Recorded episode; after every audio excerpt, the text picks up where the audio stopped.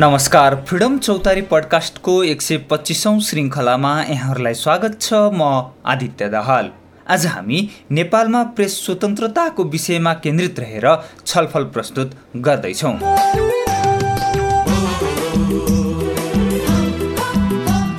आज हामी विश्व प्रेस स्वतन्त्रता दिवस मे तिनको सन्दर्भमा नेपालमा प्रेस स्वतन्त्रताको अवस्था कस्तो छ भन्ने विषयमा केन्द्रित रहेर छलफल गर्दैछौँ। यस वर्ष पनि नेपालमा प्रेस स्वतन्त्रता तथा अभिव्यक्तिको स्वतन्त्रताको अवस्था चुनौतीपूर्ण रह्यो।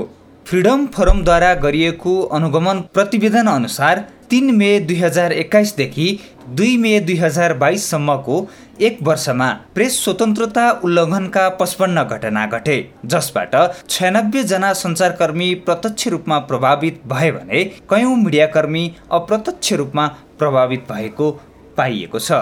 यो तथ्याङ्कमा श्रम अधिकारसँग सम्बन्धित घटनाहरू भने समेटिएको छैन। सञ्चारकर्मीहरूमाथि हुने विभिन्न भौतिक आक्रमण र अवरोध तथा दमनका घटनाहरू यसभित्र समेटिएका हुन्। समग्रतामा प्रेस उल्लङ्घनका घटना के कस्ता रहे र प्रेस स्वतन्त्रतालाई असर पार्ने अन्य कानुनी तथा प्रवृत्तिगत समस्याहरू के के रहे भन्ने विषयमा हामी यस आजको पडकास्ट प्रस्तुत गर्दैछौँ।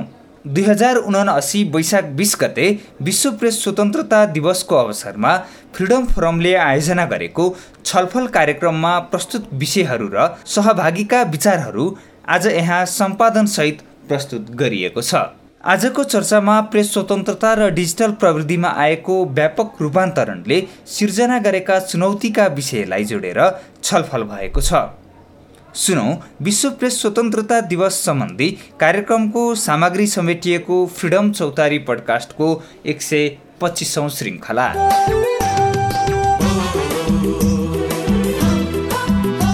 विश्व प्रेस स्वतन्त्रता दिवसका अवसरमा सबैलाई शुभकामना दिन चाहन्छु।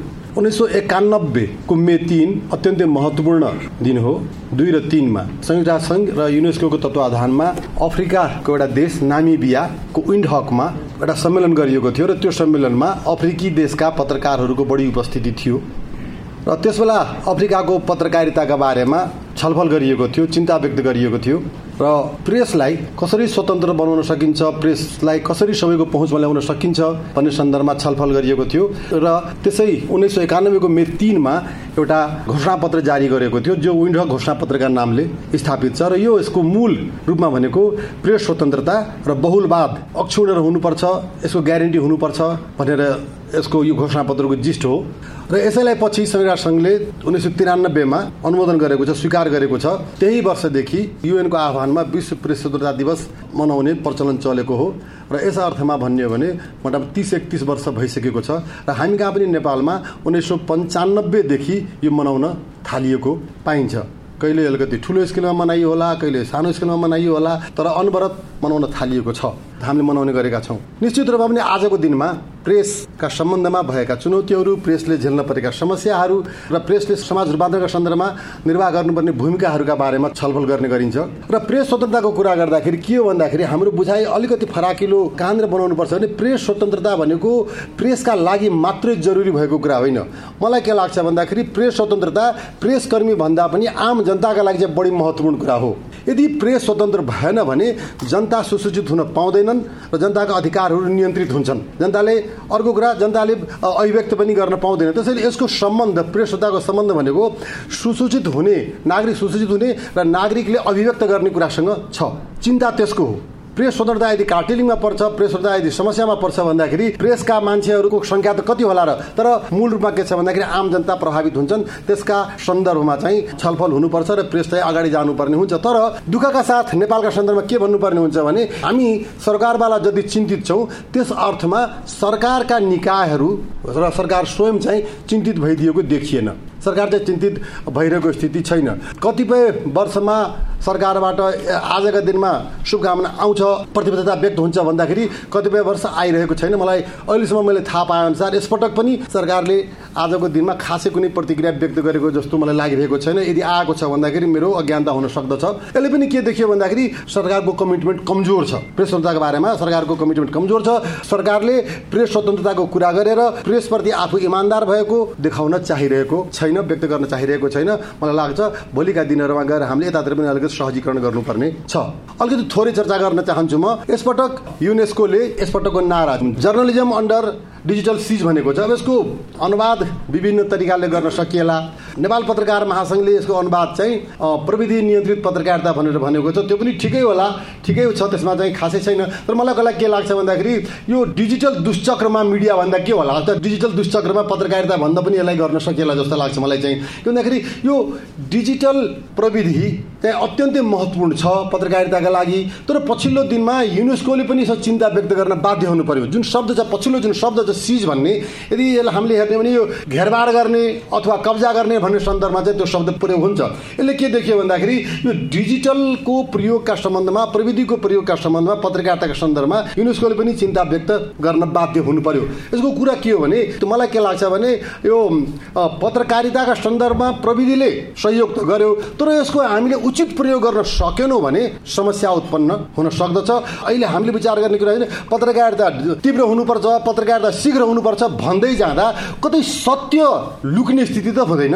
कतै यसको पत्रकारिताभित्रको जुन क्रिएटिभिटी छ त्यो गुम्ने स्थिति त हुँदैन। कतै के छ भने यो हामीले यो कुराले डिजिटलको पछि पछि हामीले लाग्दाखेरि चाहिँ पत्रकारिताले होलसेलमा विश्वताको सङ्कट त बेहोर्न पर्दैन भन्ने स्थिति कता कता चिन्ताजनक हो कि भन्ने मलाई लागेको छ र यस अर्थमा भन्ने हो भने युनेस्को यो नारा निश्चित रूपमा पनि महत्त्वपूर्ण छ। पत्रकारिताको सन्दर्भमा कुरा गर्ने भन्दाखेरि अब यदि पत्रकारितामा रचनात्मकता यसको सकियो भने यसको मौलिकता सकिन सक्छ। विश्वसनीयता यसको मूल मूल कोर कुरो हो। त्यो विश्वसता पनि विश्वसतामाथि नै सङ्कट आयो भनेदेखि चाहिँ समस्यामा पर्न सक्दछ। आज निश्चित रूपमा पनि यो रोबोटले पत्रकारिता गर्न थालिसक्यो। आज विश्वका अधिकांश ठुला ठुला स्पोर्ट्स रिपोर्टिङहरू अन्य रिपोर्टिङहरू के छ भनेदेखि रोबोटले गरिरहेको अवस्था छ। एकुरेसीको कुरा गर्ने भनेदेखि मान्छे त्यहाँनिर फेल भइरहेछ त। आज एआईले रिपोर्टिङ गर्न थालिसक्यो। आर्टिफिसियल इन्टेलिजेन्स रिपोर्टिङ गर्न थालिसक्यो। हामी कहाँनिर प्रतिस्पर्धा गर्न सक्छौँ? तीव्रतामा हाम्रो प्रतिस्पर्धा हुन सक्दैन भन्ने मेरो मान्यता हो। होइन? अब एआईले रिपोर्टिङ गर्नु पर्दाखेरि उसले सम्पूर्ण गुगललाई के छ भन्दाखेरि खोज खाज पारेर तपाईँ हामीले लेख्ने आर्टिकल भन्दा उसले के छ भने राम्रो आर्टिकल तयार पारिदिएला। हुन सक्दछ। हाम्रो भूमिका कहाँनिर छ त? मलाई त्यसो कता कता मलाई चिन्ता के लाग्छ भन्दाखेरि यदि यस्तै स्थिति रह्यो र हामीले आफ्ना बारेमा आफ्नो काम गराएका बारेमा यदि ध्यान नराख्ने भन्दाखेरि त हाम्रो पैसा सङ्कटमा त पर्छ पर्छ।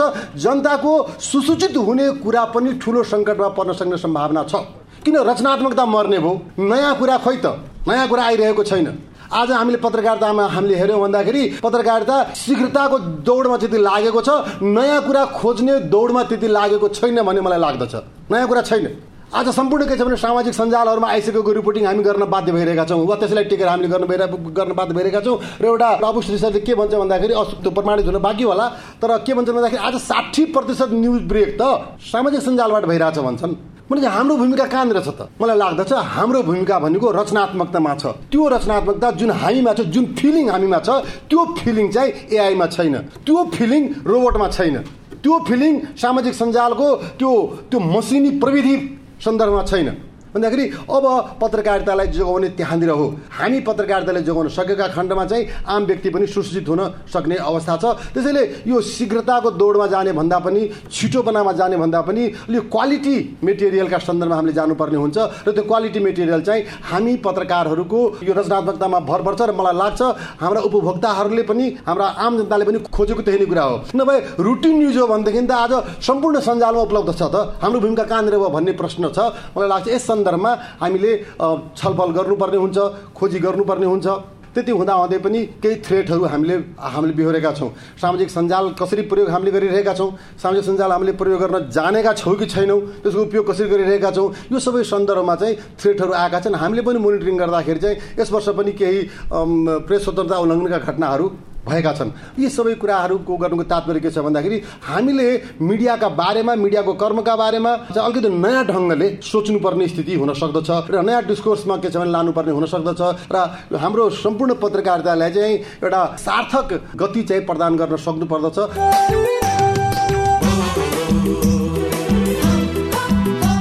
आजको दिनलाई संसारभरि नै डिजिटल ट्रान्सफर्मेसनले र डिजिटल रिभोल्युसनले जुन क्रान्ति ल्याइराखेको छ कि एउटा परिवर्तन गरिरहेको छ रूपान्तरण गरिरहेको छ त्यसमा विभिन्न सेक्टर्सहरूको यो डिस्कोर्सहरूलाई नै त्यसले बदल दिएको छ। र प्रेस फ्रिडमको सन्दर्भको डिस्कोर्समा पनि के कुराहरू आयो भनेदेखि एउटा डिजिटल ट्रान्सफर्मेसनले सिर्जना गरेका विभिन्न अवसर र चुनौतीहरूको बिचमा हामी चाहिँ प्रेस फ्रिडम आफै एउटा जटिल उसमा अड्किरहेको छ। त्यसैले त्यसैमा विश्वभरि छलफल होस् चिन्तन होस् भन्ने आह्वान गर्यो संयुक्त राष्ट्रसङ्घले र हामीले पनि त्यही कन्टेक्सलाई विचार गरेर केही प्रस्तुतिहरू राख्ने विचार गरेका छौँ। र अब चाहिँ प्रस्तुतिको लागि म नारायणजीलाई प्रेस फ्रिडम मोनिटरिङको हाम्रो कोअर्डिनेटर हो प्रेस त्यहाँ। खास गरी प्रेस फ्रिडम भायोलेसन। यो प्रेस फ्रिडम भायोलेसन्सका पनि विभिन्न मापदण्डहरू छन्। जस्तो अन्तर्राष्ट्रिय संस्थाहरूको कुरा गऱ्यो भने युनेस्को आफ्नो मापदण्ड छ। कमिटी टु प्रोटेक्ट जर्नलिस्टको आफ्नो मापदण्ड छ। रिपोर्टर्स विदाउट बोर्डर्सको आफ्नो मापदण्ड छ। त्यस गरी इन्टरनेसनल फेडरेसन अफ जर्नलिस्टको आफ्नो मापदण्ड छ र सबैले विभिन्न कभर गर्छन्। तर एउटा समझदारी के छ भने धेरै जसो जसले चाहिँ एउटा फ्री प्रेसको प्र्याक्टिसलाई बाधा सिर्जना गर्छ। ती सबै अवरोधहरूलाई विभिन्न मापदण्डमा राखिन्छ। त्यसले गर्दा डेटाहरूमा कहिलेकाहीँ फरक पर्छ। तर समग्रतामा डेटाहरू आफैमा इम्पोर्टेन्ट त छ। तर डेटाले एउटा ट्रेन्ड बताउने हो। हाम्रो मोनिटरिङ युनिटले गरेको के छ त? प्रेस फ्रिडमको आजको च्यालेन्जहरू कस्तो किसिमको डेटाहरू चाहिँ हामीले रेकर्ड गरेका छौँ। खास गरी प्रेस स्वतन्त्रता भायोलेसनमा कस्तो किसिमको भयो भन्ने बारेमा एउटा सर्ट प्रेजेन्टेसन छ। मेजर चिजहरू चाहिँ हाम्रो यो मोनिटरिङमा के देखियो त्यसको प्रस्तुतिको लागि म नारायणजीलाई अनुरोध गर्छु। जस्तो हामीले टोटल नम्बर चाहिँ यो वर्षभरिको घटनाको इन्सिडेन्ट चाहिँ पचपन्न त्यसपछि त्यो घटनाबाट प्रभावित सङ्ख्या चाहिँ छयानब्बे निकालेको छ। यो डाटाहरूमा तलमाथि हुन सक्ला कुनै मेथड चाहिँ केही चेन्ज हुन सक्ला जस्तो अर्को डेटा निकाल्दा केही कुरा गर्ला होइन त्यसमा छलफल गर्न सकिएला तर हामीले निकालेको चाहिँ यो छ टोटलमा। अब त्यसै गरी जस्तो मेल फिमेल क्याटेगोरी छुट्याउँदाखेरि सात प्रतिशत चाहिँ फिमेलहरू रहेछन् भनेदेखि त्रियानब्बे प्रतिशत चाहिँ मेलहरू रहेछन् यसबाट पनि एउटा केही झल्को चाहिँ देख्न सकिन्छ। मिडियामा कति छन् कति प्रतिशत चाहिँ महिला छन् अथवा यसले केही दिन सक्छ।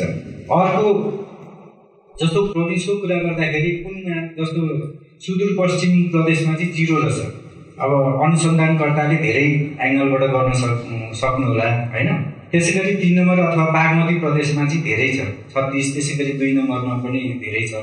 त्यसमा चाहिँ अलिक द्वन्द्व हुने त्यसपछि भिडभाड चाहिँ ग्यादरिङ हुने अथवा चाहिँ भिड नियन्त्रण गर्दाखेरि उनीहरूलाई आक्रमण हुने अथवा करप्सनका केसहरू धेरै आउने होइन? यी कारणले गर्दाखेरि पनि त्यहाँ घटनाहरू धेरै छन्। जस्तो दुई के भन्छ एक नम्बर प्रोभिन्स एकमा दुई दुईवटा मात्र छ। त्यसै गरी अर्को छ लुम्बिनीमा बाह्र छ कर्णालीमा छ छ गण्डकीमा चार छ यस्तो खालको डाटा छ। र भायोलेसनको डाटा चाहिँ कस्तो छ त कस्तो किसिमले राखेको छ भनेर हेर्दाखेरि हामीले मिसबिहेभियर भनेको छ। कति कुराहरू चाहिँ सबै एकदम माइन्युटली यो यो भनेर लेख्नलाई पनि गाह्रो हुने।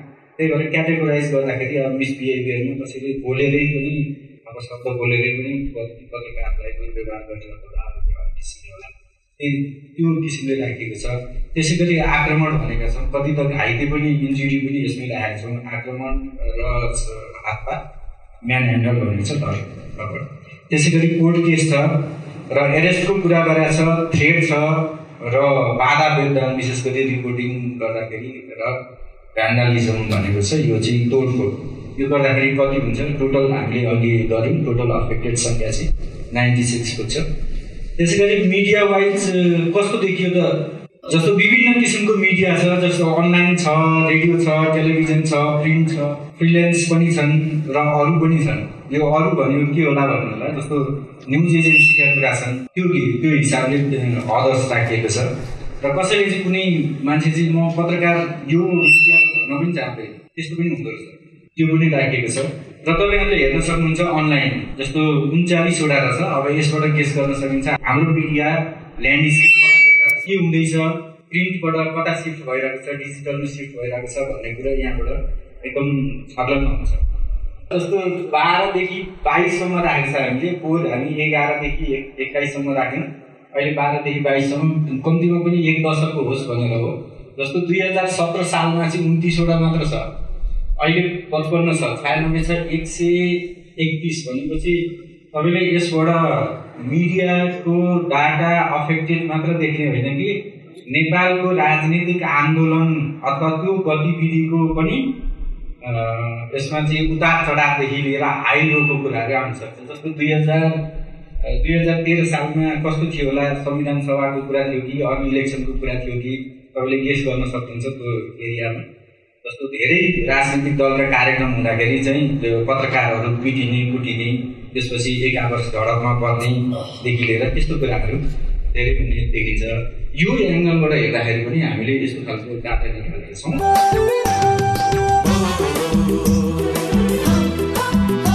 आजको दिन यो डिजिटल स्पेसले विभिन्न असर परेको बारेमा छलफल भइरहेछ तर नेपालमा यो आठ दस वर्षदेखि मिडिया कम्युनिटीमा पनि ह्युमन राइट्स कम्युनिटीमा पनि र आम जनतामा पनि एउटा कानुन चाहिँ सबैभन्दा बढी चर्चित छ। र सरकारलाई पनि त्यो कानुनको अभाव छ र एउटा कानुन प्रयोग गरिराखेको छ। विद्युतीय कारोबार ऐन। विद्युतीय कारोबार ऐनमा धेरै कम्प्लेन्सहरू पुलिसका आउँछ?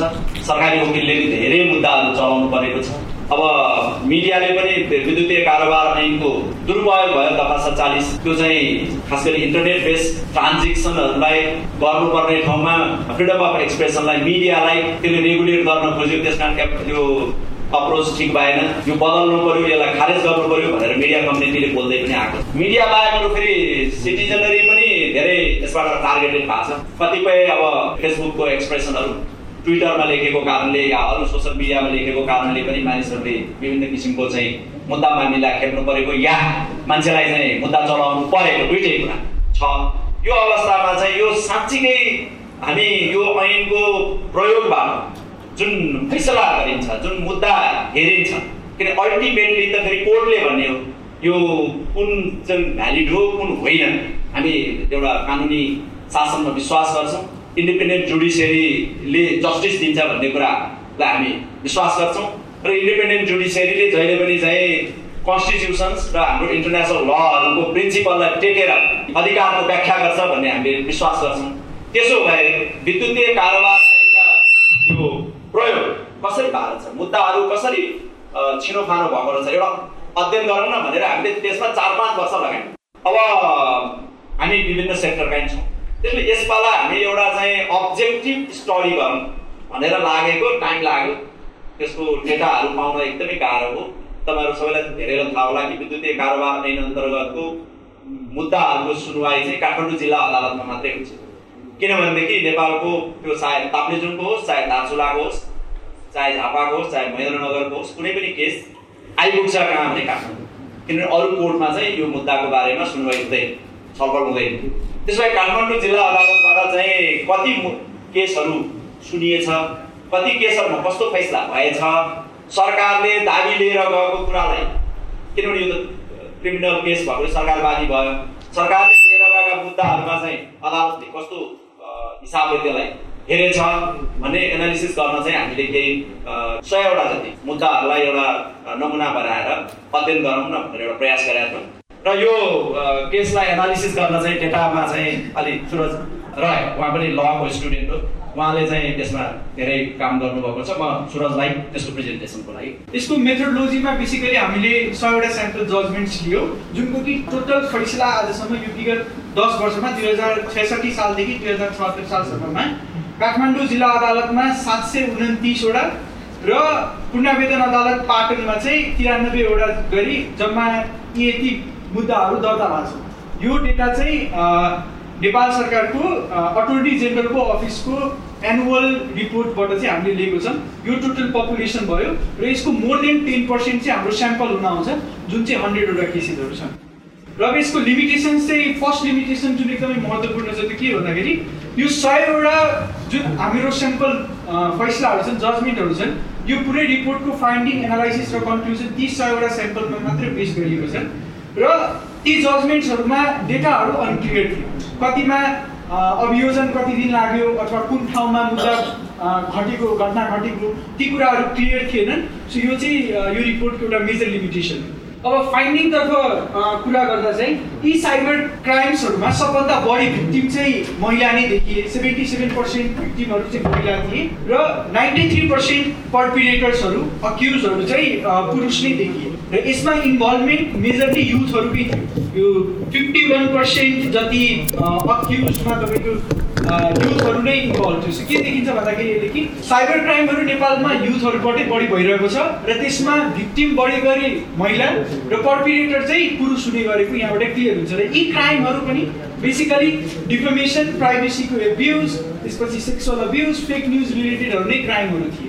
र यी क्राइमहरूमा चाहिँ महिला विरुद्ध हुने क्राइमहरू मोस्ट अफ दिम तिनीहरूको सेक्सुअलिटीहरूसँगै एसोसिएटेड थियो। कसैको nude picture without permission disseminate गर्नु कसैको इन्टरमिट भिडियोजहरू लिक आउट गरिदिनु कसैको पिक्चरहरू मफ गरेर त्यसलाई अप्सिन बनाइदिनु। सो महिला विरुद्ध हुने मोस्ट अफ दि अपराध चाहिँ यस्तै यस्तै किसिमका थिए। अब अर्को भनेको चाहिँ नेपालमा प्रोसिक्युट हुने most of the cyber crime cyber enabled क्राइमहरू मात्र रहेछ। अब साइबर जुरिस्पुडेन्समा हामी युजली पढ्छौँ कि साइबर क्राइमहरू दुई किसिमको हुन्छ। एउटा भनेको साइबर डिपेन्डेन्ट क्राइम जुन कि पहिले थिएन र साइबर टेक्नोलोजीको विकास सँगसँगै ती क्राइमहरू पनि विकास भएर गयो र अर्को भनेको साइबर इनेबल्ड क्राइम जुन कि पहिले पनि थिए तर साइबरले त्यसलाई के गर्थ्यो भने सजिलो पुऱ्याइदियो। जसरी मारहानीको कुराहरू आयो गाली गलोजको कुराहरू आयो जुन सोसियल मिडियामा हाम्रो भइरहेको छ त्यो पहिले पनि थिए। तर यो इन्टरनेट प्रविधिले गर्दा त्यो सजिलो हुनु सो इन्टरनेसनल जुरिस्पुडेन्सले के भन्छ भने साइबर जुरिस्पुडेन्सले कि साइबर डिपेन्डेन्ट क्राइमको लागि मात्र हामीले साइबर ल लगाउनुपर्छ। अरू साइबर इनेबल्ड क्राइमहरूको लागि चाहिँ हामीले? नर्मल साइबर जुन हाम्रो जेनरल लहरू हुन्छ त्यो नै लगाउनुपर्छ हामीले युकेको युएसको अरू थुप्रै देशेसहरूको उदाहरण लियो भने पनि त्यहाँ साइबर ल भनेको साइबर डिपेन्डेन्ट क्राइमको लागि मात्र हुन्छ। साइबर क्राइमहरू इनेबल्ड क्राइमहरू चाहिँ युजली जेनरल लबाटै लगाइन्छ। र नेपालमा हुने most of the cyber crime चाहिँ सोसियल मिडियाहरूसँगै एसोसिएटेड छ। अब यसमा ट्रेन्ड चाहिँ के के देख्यो भने अब यी पचासीवटा काठमाडौँ जिल्ला अदालतको फैसलाहरूमध्ये चाहिँ साठीवटामा चाहिँ दोषी ठहर गरेको छ अदालतले। सो यसले के पनि देखाउँछ भने अपराध साँच्चीकै पनि भइरहेको छ। हाम्रो साइबर क्राइमहरू चाहिँ बढेको छ र त्यो अपराध चाहिँ भइरहेको छ भनेको अब यसमा केही देखिएको ट्रेन्डहरू चाहिँ के थियो भन्दाखेरि पुलिसद्वारा यसको अनुसन्धान चाहिँ राम्ररी हुन गइरहेको छैन। अदालतले दुईवटा फैसलाहरूमा चाहिँ जसरी कि काठमाडौँ नेपाल सरकार विरुद्ध केशव गौतमको मुद्दा जुनमा चाहिँ फन्ड ट्रान्सफरको रिलेटेड थियो। र नेपाल सरकार विरुद्ध राम कुमार साङबा विरुद्धको मुद्दा जुन चाहिँ यही अश्लील तस्बिर सम्बन्धी थियो यो दुईवटा मुद्दामा चाहिँ काठमाडौँ जिल्ला अदालतले आफै अनुसन्धान प्रोपर छैन है अनुसन्धान एडिक्वेट छैन भनेर काठमाडौँ जिल्ला अदालतले आफै भनेको छ। त्यसरी नै प्रोसिक्युसन पनि फ्रेगाइल एभिडेन्सेसहरूको भनेको एभिडेन्सहरू चाहिँ एकदमै फितलो एभिडेन्सहरूको बेसिसमा चाहिँ अभियोजन भइरहेको छ। अब सरकारी वकिल कार्यालयलाई सबभन्दा पहिले चाहिँ के हुन्छ भने कुनै पनि मुद्दा चलाउने कि नचलाउने भन्ने अत्यारी त्यो डिसिजन लिने निर्णय चाहिँ सरकारी वकिल कार्यालयलाई हुन्छ। अब यहाँ हामीले हेर्दै गर्दा चाहिँ कसो कसो पनि देखियो भन्दाखेरि स्विट हार्ट डार्लिङ नेपाल सरकार विरुद्ध विकास थापाको मुद्दामा I love you too much भन्ने नेपाल सरकार विरुद्ध बाबुराम श्रेष्ठको मुद्दामा सो यस्तो मेसेजको भरमा मात्र पनि मुद्दा चलाइएको छ। है? सो यसले के देखाउँछ भने र अरू कुनै पनि प्रमाण छैन यी म्यासेजहरू sweetheart darling I love you too much भनेको आधारमा मात्र पनि मुद्दाहरू चलाइएको छ। जुनमा कि कुनै अरू एभिडेन्स पनि प्रड्युस गर्न सकिएको छैन सो यसले के देखाउँछ भन्दाखेरि हाम्रो अभियोजनमा चाहिँ अलिक कमी कमजोरी छ। कि त एभिडेन्स सफिसियन्ट भएकोलाई मात्र मुद्दा लाउनु नभए यसरी यो सानसानो एभिडेन्सको आधारमा मुद्दा लाउँदै गयो भने त्यो जस्टिस प्रोसेसले नै पनिस गर्दै जान्छ। जुन कि गलत अर्को ट्रेन्ड भनेको हामीसँग misuse of section forty seven अब सरले नि अघि भनिसक्नुभयो यो इटिए सबभन्दा बढी क्रिटिसाइज हुनुको कारण नै यसको यो फोर्टी सेभेन नै हो। अब यो फोर्टी सेभेन कसरी यो ऐनमा आउन पुग्यो त्यो पनि एकदमै बडा रोचक कहानी छ। यो यसको कुनै without any discourse and debate यो सेक्सन एड भएको जसले चाहिँ यो ललाई एकदमै प्रब्लमेटिक बनाउँदै गइरहेछ। अब यसमा एउटा एकदमै रमाइलो मुद्दा चाहिँ के थियो भन्दाखेरि अब्दुल रहमानको सप्तरीको एउटा मुद्दा थियो।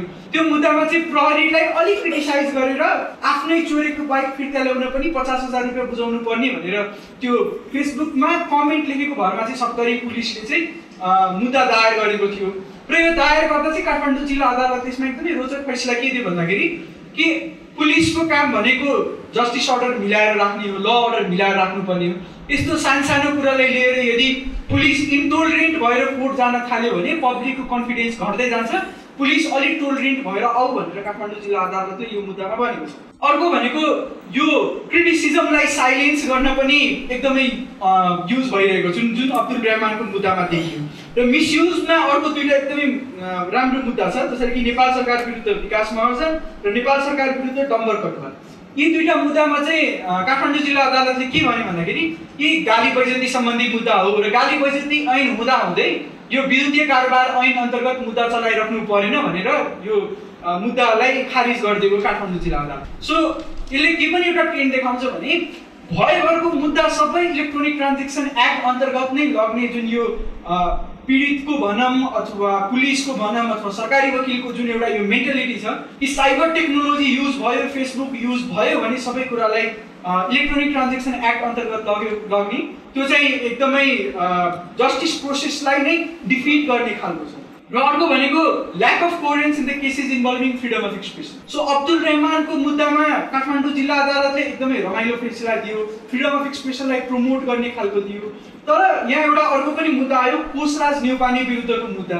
यसमा चाहिँ मानव अधिकार आयोगलाई मानव अधिकार आयोगको अध्यक्षज्यूलाई चाहिँ अलि क्रिटिसाइज गर्ने अलि हार्स क्रिटिसिजम गर्ने खालको कमेन्टहरू चाहिँ फेसबुकमा लेखेका थिए। कोषराज नेउपानेले अनि त्यहीको भरमा चाहिँ उहाँमाथि मुद्दा चलाइयो अब यसको फैसला गर्दा चाहिँ काठमाडौँ जिल्ला अदालतले के भन्यो भने क्रिटिसाइज गर्न अधिकार चाहिँ पाउँछ। तर त्यसको पनि लिमिटेसन हुनुपर्छ। यति धेरै हार्स क्रिटिसिजम चाहिँ यो फ्रिडम अफ एक्सप्रेसनको मिसयुज हो र त्यही कारणले दोषी ठहर हुन्छ भनेर। सो मानव अधिकार आयोग जस्तो एउटा इन्स्टिट्युसन जसको कि काम नै मानव अधिकार प्रमोट गर्ने हो त्यो अलि हार्स कमेन्ट आउन साथै कोर्ट पुग्नु र कोर्टले पनि अलि हार्स कमेन्ट आउन साथै त्यसलाई फ्रिडम अफ एक्सप्रेसनको मिसयुज हो भनेर यदि दोषी ठहर गर्दै गर्छ भने त्यसले चाहिँ एउटा फ्री स्पिचको एक्सर्साइज गर्नमा चिलिङ इफेक्ट ल्याउँछ जुन चाहिँ यो राइटको प्रोटेक्सन र प्रमोसनको लागि चाहिँ एकदमै चिन्ताजनक विषय छ। अर्को भनेको यो स्टडी गर्दै गर्दा मैले एउटा राम्रो र एकदमै अनौठो लागेको कुरो एकदमै इन्ट्रेस्टिङ कुरा चाहिँ एउटा के आयो भन्दाखेरि यो हेफ्टी पनिसमेन्ट हाम्रो जसरी अहिले दिनपछि हाम्रो यहाँ आइटी बिलमाथि पनि पोलिसी पेपर हामी प्रेजेन्ट गर्छौँ। आइटी बिल हाम्रो सबैभन्दा बढी क्रिटिसाइज हुनुको कारण चाहिँ त्यसको पन्ध्र लाख र पन्ध्र वर्षको सजाय यो फैसलाहरू अध्ययन गर्दा चाहिँ मैले के भेटाएँ भने मोस्ट अफ दि केसेसमा पच्चिस हजारभन्दा कम जरिवाना दिएको छ। र त्यसरी नै कैद सजाय पनि एकदमै थोरै दिँदै आएको छ। सो यो दुईवटा ट्रेन्डलाई हेर्नु भने एक त हाम्रो कोर्टको सेन्टेन्सिङको ट्रेन्ड जुन कि एकदमै थोरै छ र अर्को हाम्रो लेजिस्लेटिभ इन्टेन्ट जुन कि पन्ध्र लाख र पन्ध्र वर्षसम्म पनि सेन्टेन्सिङलाई पुर्याउन खोजिरहेको छ। सो यो एउटा एकदम एकदमै ठुलो हडल छ एकदमै ठुलो ग्याप छ।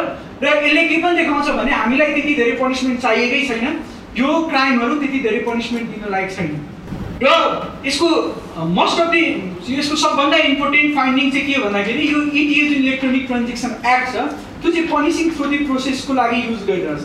अब हामी कहाँ पनि अब थुप्रै कलहरू आउँछ लयरहरू हुनुहुन्छ यहाँ सबैजना कानुन बुझेको मान्छे। सो फेसबुक रिलेटेड कुनै पनि अफेन्स भयो भने हामी सबैको इन्टेन्ट के हुन्छ भने विद्युतीय कारोबार अन्तर्गत ल्याइदिउँ न त्यसले थाहा पाउँछ। अदालतले पनिसमेन्ट दिन्छ दिँदैन अदालतले ठहर गर्छ गर्दैन त्योसँग हामीलाई मतलब छैन। हामी सबैजना प्रक्रियाबाट नै पनिस गर्नेतर्फ लागिसकेको छ। यसमा हेर्ने हो भने एक्काइसवटा मुद्दामा चाहिँ अदालतले निर्दोष ठहर गरेको छ। ती एक्काइसवटा मध्ये दसवटा मुद्दामा चाहिँ पन्ध्र दिनदेखि छ महिनासम्म पूर्वपक्षको लागि जेलमा बस्नु परेको छ। र अर्को दसवटा मुद्दामा चाहिँ डेटा नै क्लियर थिएन कि कति दिन पूर्वपक्षमा बस्नु परेको छ भने।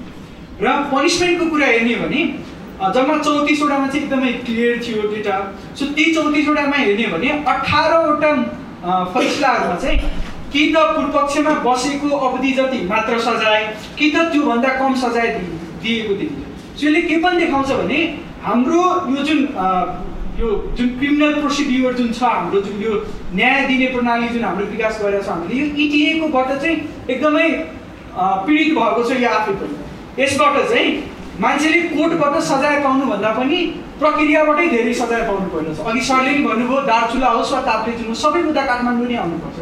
र त्यो आउँदै गर्दा चाहिँ के हुन्छ भने पीडित पीडितलाई पनि गाह्रो पर्छ। र त्यसपछि जुन अक्युज हुन्छ उसलाई पनि गाह्रो पर्छ। सो यसले चाहिँ पनिसिङ थ्रु दि प्रोसेस बाहेक अरू केही पनि गर्न सकेको छैन जस्तो मलाई लागेको छ अब कम्पन्सेसन राम्ररी पाउन सकेका छैनन् यहाँका भिक्टिमहरूले अब कम्पन्सेसन राम्ररी पाउन सकेकोमा के छ भन्दाखेरि दसवटा मुद्दा जतिमा त कम्पन्सेसन सरकारी यो अभियोजन गर्दा माग नै भएको छैन। सो किन माग नगरिएको त्यो पनि आफैमा प्रश्न उठ्छ। यस्तो अपराधहरूमा कम्पन्सेसनले नै रिलिफ दिने हो। तर कम्पन्सेसन नै माग नगरेपछि त भिक्टिमले पाउने चाहिँ के भन्ने कुरा आउँछ? त्यसै गरी कोर्टमा पनि एउटा एम्बिगिटी देखिन्छ कि कम्पन्सेसन दिने कि नदिने भनेर। कुनै धेरै जसो मुद्दामा चाहिँ के थियो भन्दाखेरि क्षतिपूर्ति कति भयो कतिको हानि भयो कतिको क्षति भयो त्यसको विवरण नखुलाइएको कारण क्षतिपूर्ति अदालतले आफै ठहर गरेर दिन मिल्दैन भनेर क्षतिपूर्ति नदिएको देखियो भने कतिमा? अदालतले स्वयं क्षतिपूर्ति पनि देखिएको छ। सो यहाँ अब एउटा डायक्टोमी चाहिँ के भयो भने अदालतले त्यो क्षति ठहर गर्ने कि नगर्ने त्यसले आफै क्यालकुलेट गर्ने कि नगर्ने भन्ने एउटा कुरो देखियो।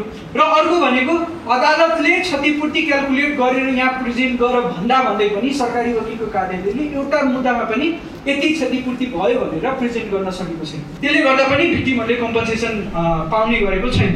र अपिलमा गएको जुन मुद्दाहरू छन् जुन हामीले पन्ध्रवटा अध्ययन गऱ्यौँ त्यो चाहिँ म खास गरी सरकारी वकिल कार्यालयबाटै नेपाल सरकारको तर्फबाटै अपिल मात्र भइरहेको छ। भिक्टिमहरूको तर्फबाट एउटा मुद्दामा मात्र अपिल भएको छ। यसले के पनि देखाउँछ भने कि हाम्रो कोर्टको एक्सेस कोर्टसम्म एक्सेस चाहिँ एकदमै कम छ। अब काठमाडौँमा मात्र ट्रायल कोर्ट र एफिलिएट कोर्ट दुइटै भयो भने चाहिँ पीडितहरू त्यो अपिल गर्नलाई मात्र यहाँ नआएको पनि योबाट देखिन्छ। अब यसलाई कन्क्लुड गर्दा चाहिँ सबभन्दा पहिले साइबर ल चाहिँ साइबर डिपेन्डेन्ट क्राइमको लागि मात्रै युज हुनु पर्यो।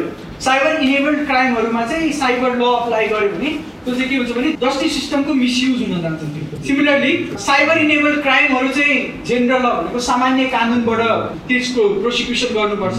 र यो दुईवटा साइबर इनेबल र साइबर डिपेन्डेन्ट क्राइमको डिफ्रेन्स नबुझेर हाम्रोमा चाहिँ के छ भने साइबर जस्टिस चाहिँ साइबर साइबर क्राइमहरूमा हामीले जस्टिस दिन सकेको छैन।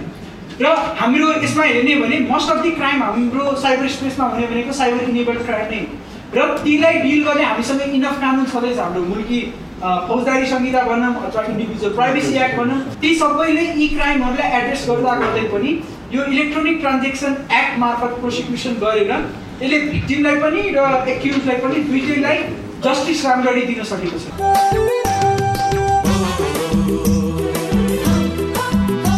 यो सयवटा जुन मुद्दा केलाइयो त्यो मुद्दाहरूमा झन्डै पचासीवटा जुन जिल्ला अदालतको मुद्दाहरूमध्ये जिल्ला अदालतले दोषी देखाएको पनि मुद्दाहरू हेर्दाखेरि के देखिन्छ भने अदालत पनि साइबर डिपेन्डेन्ट र साइबर इनेबलको इस्युमा जजहरू पनि क्लियर छैन।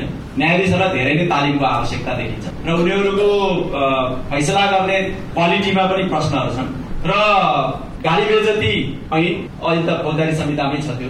अथवा सेक्सुअलिटीसँग सम्बन्धित अथवा हिंसासँग सम्बन्धित एउटा जेन्डर बेस्ड भलेन्ससँग सम्बन्धित अथवा चाहिँ त्यस्ता कुराहरू रिपुटेसनसँग सम्बन्धित कुराहरू त हाम्रो फौजदारी संहिताका सबै व्यवस्थाहरूले गर्न सक्छ भने मुद्दा चल्ने बाटोहरू खोज्यो भने आई थिङ्क यसमा साइबर ल मुद्दा नै भनेर हेऱ्यो भने चाहिँ दसवटा पनि छैन। त्यस्तो एउटा चाहिँ पिक्चर यो केसहरूबाट देखिन्छ।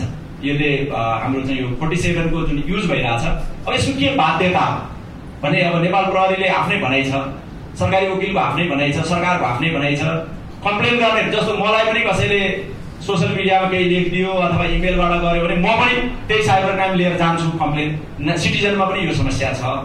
तर यो सबै चिजले चाहिँ कहाँनिर हान्दो रहेछ भने यो हामीले एउटा स्याम्पल हिसाबले लिएको केस हुनाले यसमा मिडियासँग सम्बन्धित केसेसहरू कम छ तर मिडियाको जब हामीले केसहरू हेऱ्यौँ भनेदेखि चाहिँ मिडियाको मान्छेहरू चाहिँ साइबर क्राइमको मुद्दाबाट यति नराम्रोसँग प्रताडित हुन्छ केही उदाहरणको रूपमा म तपाईँहरूलाई भन्न चाहन्छु। एकजना गौरव पोखरेल भन्ने भाइ हुनु। उहाँको चाहिँ एउटा कुनै अर्को अनलाइन अनलाइनमा एउटा अक्षर पनि फरक हुन्छ। अब उदाहरणको लागि सेतो पार्टी अनलाइन भन्यो अर्को सेतो सेतो त्यसमा चाहिँ इ डबल भएको सेती पार्टी अनलाइन अब लेखिदिन्छ एउटा सेती पार्टीले मुद्दा चलेको छ सेतो पार्टी र सजाय भएको र तिन महिना पुलिसकै चक्करमा कपिल बस्तीदेखि काठमाडौँसम्म बुझाएर लास्टमा मुद्दा जिते अवस्थाहरू छ त्यस्तै नवलपरासीको हाम्रो एकजना विश्वकर्मा भाइको केस छ। त्यसैले एउटा तरवारको रूपमा विद्युतीय कारोबार चाहिँ क्रिटिसिजमलाई आलोचनालाई अलिकति साइलेन्ट गराउने किसिमको ढङ्गले प्रयोग भएको छ भन्ने कुराहरू अरू तथ्यहरूले पनि हामीले भन्दै आएका छौँ। र यसलाई यो हाम्रो जजमेन्टहरूको यो फैसलाको एउटा डेटाबेस हामीसँग छ। र यो जजमेन्टको एनालिसिस रिपोर्ट त हाम्रो पब्लिक नै छ। यदि कसैलाई त्यसको प्राइमरी डेटाहरूमा पनि रुचि भयो सरकारको निकायलाई अथवा हाम्रो चाहिँ एक्सपर्ट्सहरूलाई रिसर्चरहरूलाई भने द्याट इज फ्री तपाईँहरू आउनुहोस् ओपन छ। हामी प्रोभाइड गर्छौँ र एनालिसिस गरौँ। र यो यसले सङ्केत के गरेको छ भने बन्दै गरेको आइटी ल जुन विधेयक छ। त्यो आइटी विधेयकमा चाहिँ अब आइटी विधेयक अहिले पार्लियामेन्टमा छ अमरेला ल त्यो विधेयक हो। अब हामी चाहिँ यो इटिएलाई रिप्लेस गर्न त्यसले प्रस्ताव गरेका छ। र सबै इस्युजहरू गभर्न गर्नुपर्ने चाहिँ त्यसले हो। त्यसमा चाहिँ के कुरा ध्यान दिनुपर्छ त? भन्ने कुरालाई पनि यो एनालिसिसले चाहिँ एउटा फिडब्याक दिन्छ कि भन्ने हाम्रो आश छ र मलाई लाग्छ यो एउटा सेयरिङ मात्रै हो। यो डिबेटको विषय होइन। हामीले एउटा रिपोर्ट ल्याइ नै सक्यौँ। र यो आइएसपीसँग अलिकति हाम्रो देशमा चाहिँ इन्टरनेट सर्भिस प्रोभाइडरहरूलाई टुल्सको रूपमा राज्यले चाहिँ हतियारको रूपमा प्रयोग गरेको छ अब यो मानिलिउँ अनलाइन खबरले कुनै सरकारको क्रिटिकल न्युज आयो भने अर्को इन्टरनेट सेवा प्रोभाइडरलाई भनेर त्यसको चाहिँ फ्लो नै बन्द गरिदिने त्यसको चाहिँ हेर्न नसक्ने बनाइदिने। दूरसञ्चार प्राधिकरणले चाहिँ कन्टेन्ट नै हटाइदिने। अथवा डाउनलिङले चाहिँ मेरो इमेलैहरू पनि रोकिदिने। जे पनि हुन सक्छ। त्यसैले त्यो एउटा नयाँ पुलिसको रूपमा इन्टरनेट सर्भिस प्रोभाइडरहरूलाई जुन दुरुपयोग भएको छ यसले यसले चाहिँ भयावह अवस्था छ। सर्भिलेन्सको कुरा होस् अथवा मान्छेको यो सबै चिज। त्यसैले त्यो कुराहरू धेरै नै सिरियस छ यो कुराहरूलाई अलिकति चेन्ज गरेर एउटा एकाउन्टेबल हुने गरी गर्नुपर्ने हाम्रा चाहिँ केही सजेसन्सहरू छ। र सबभन्दा अर्को चाहिँ सामाजिक सञ्जाल। जुन चाहिँ यो विधेयकको धेरै चर्चा भएको विषय हो यो र धेरै त्यो बेलामा बहस भएको विषय कतिले चाहिँ होइन सामाजिक सञ्जालबाट साह्रै समस्या भएको छ कठोर कानुन चाहियो भने। कतिले चाहिँ यस्ता कानुन बन्यो भने त भोलिदेखि सार सर्वसाधारण मान्छेले बोल्नै सक्दैन। अहिले के छ भनेदेखि कस्तो रहेछ डिस्कोर्स भने हामी पत्रकारहरू वकिलहरू पोलिटिसियनहरू सरकारी कर्मचारीहरू ठुला व्यापारीहरू हामी इलिट छ। हामीले जहिले पनि बोल्न पाइरहेछौँ। हामीले जहिले लेख्न पाइरहेछौँ। हामीले आफ्नो असन्तोष पनि बोल्न पाइरहेछौँ। तर कसले बोलिरहेछ अहिले नेतालाई औँला ठडाउँछ कसले स्टेटको अथोरिटीलाई कसले भन्दै जो मान्छे बोल्न सक्दैन जो मान्छे अगाडि आउन सक्दैन थियो। जो मान्छे चाहिँ आलोचना गर्ने हिम्मत गर्दैन थियो।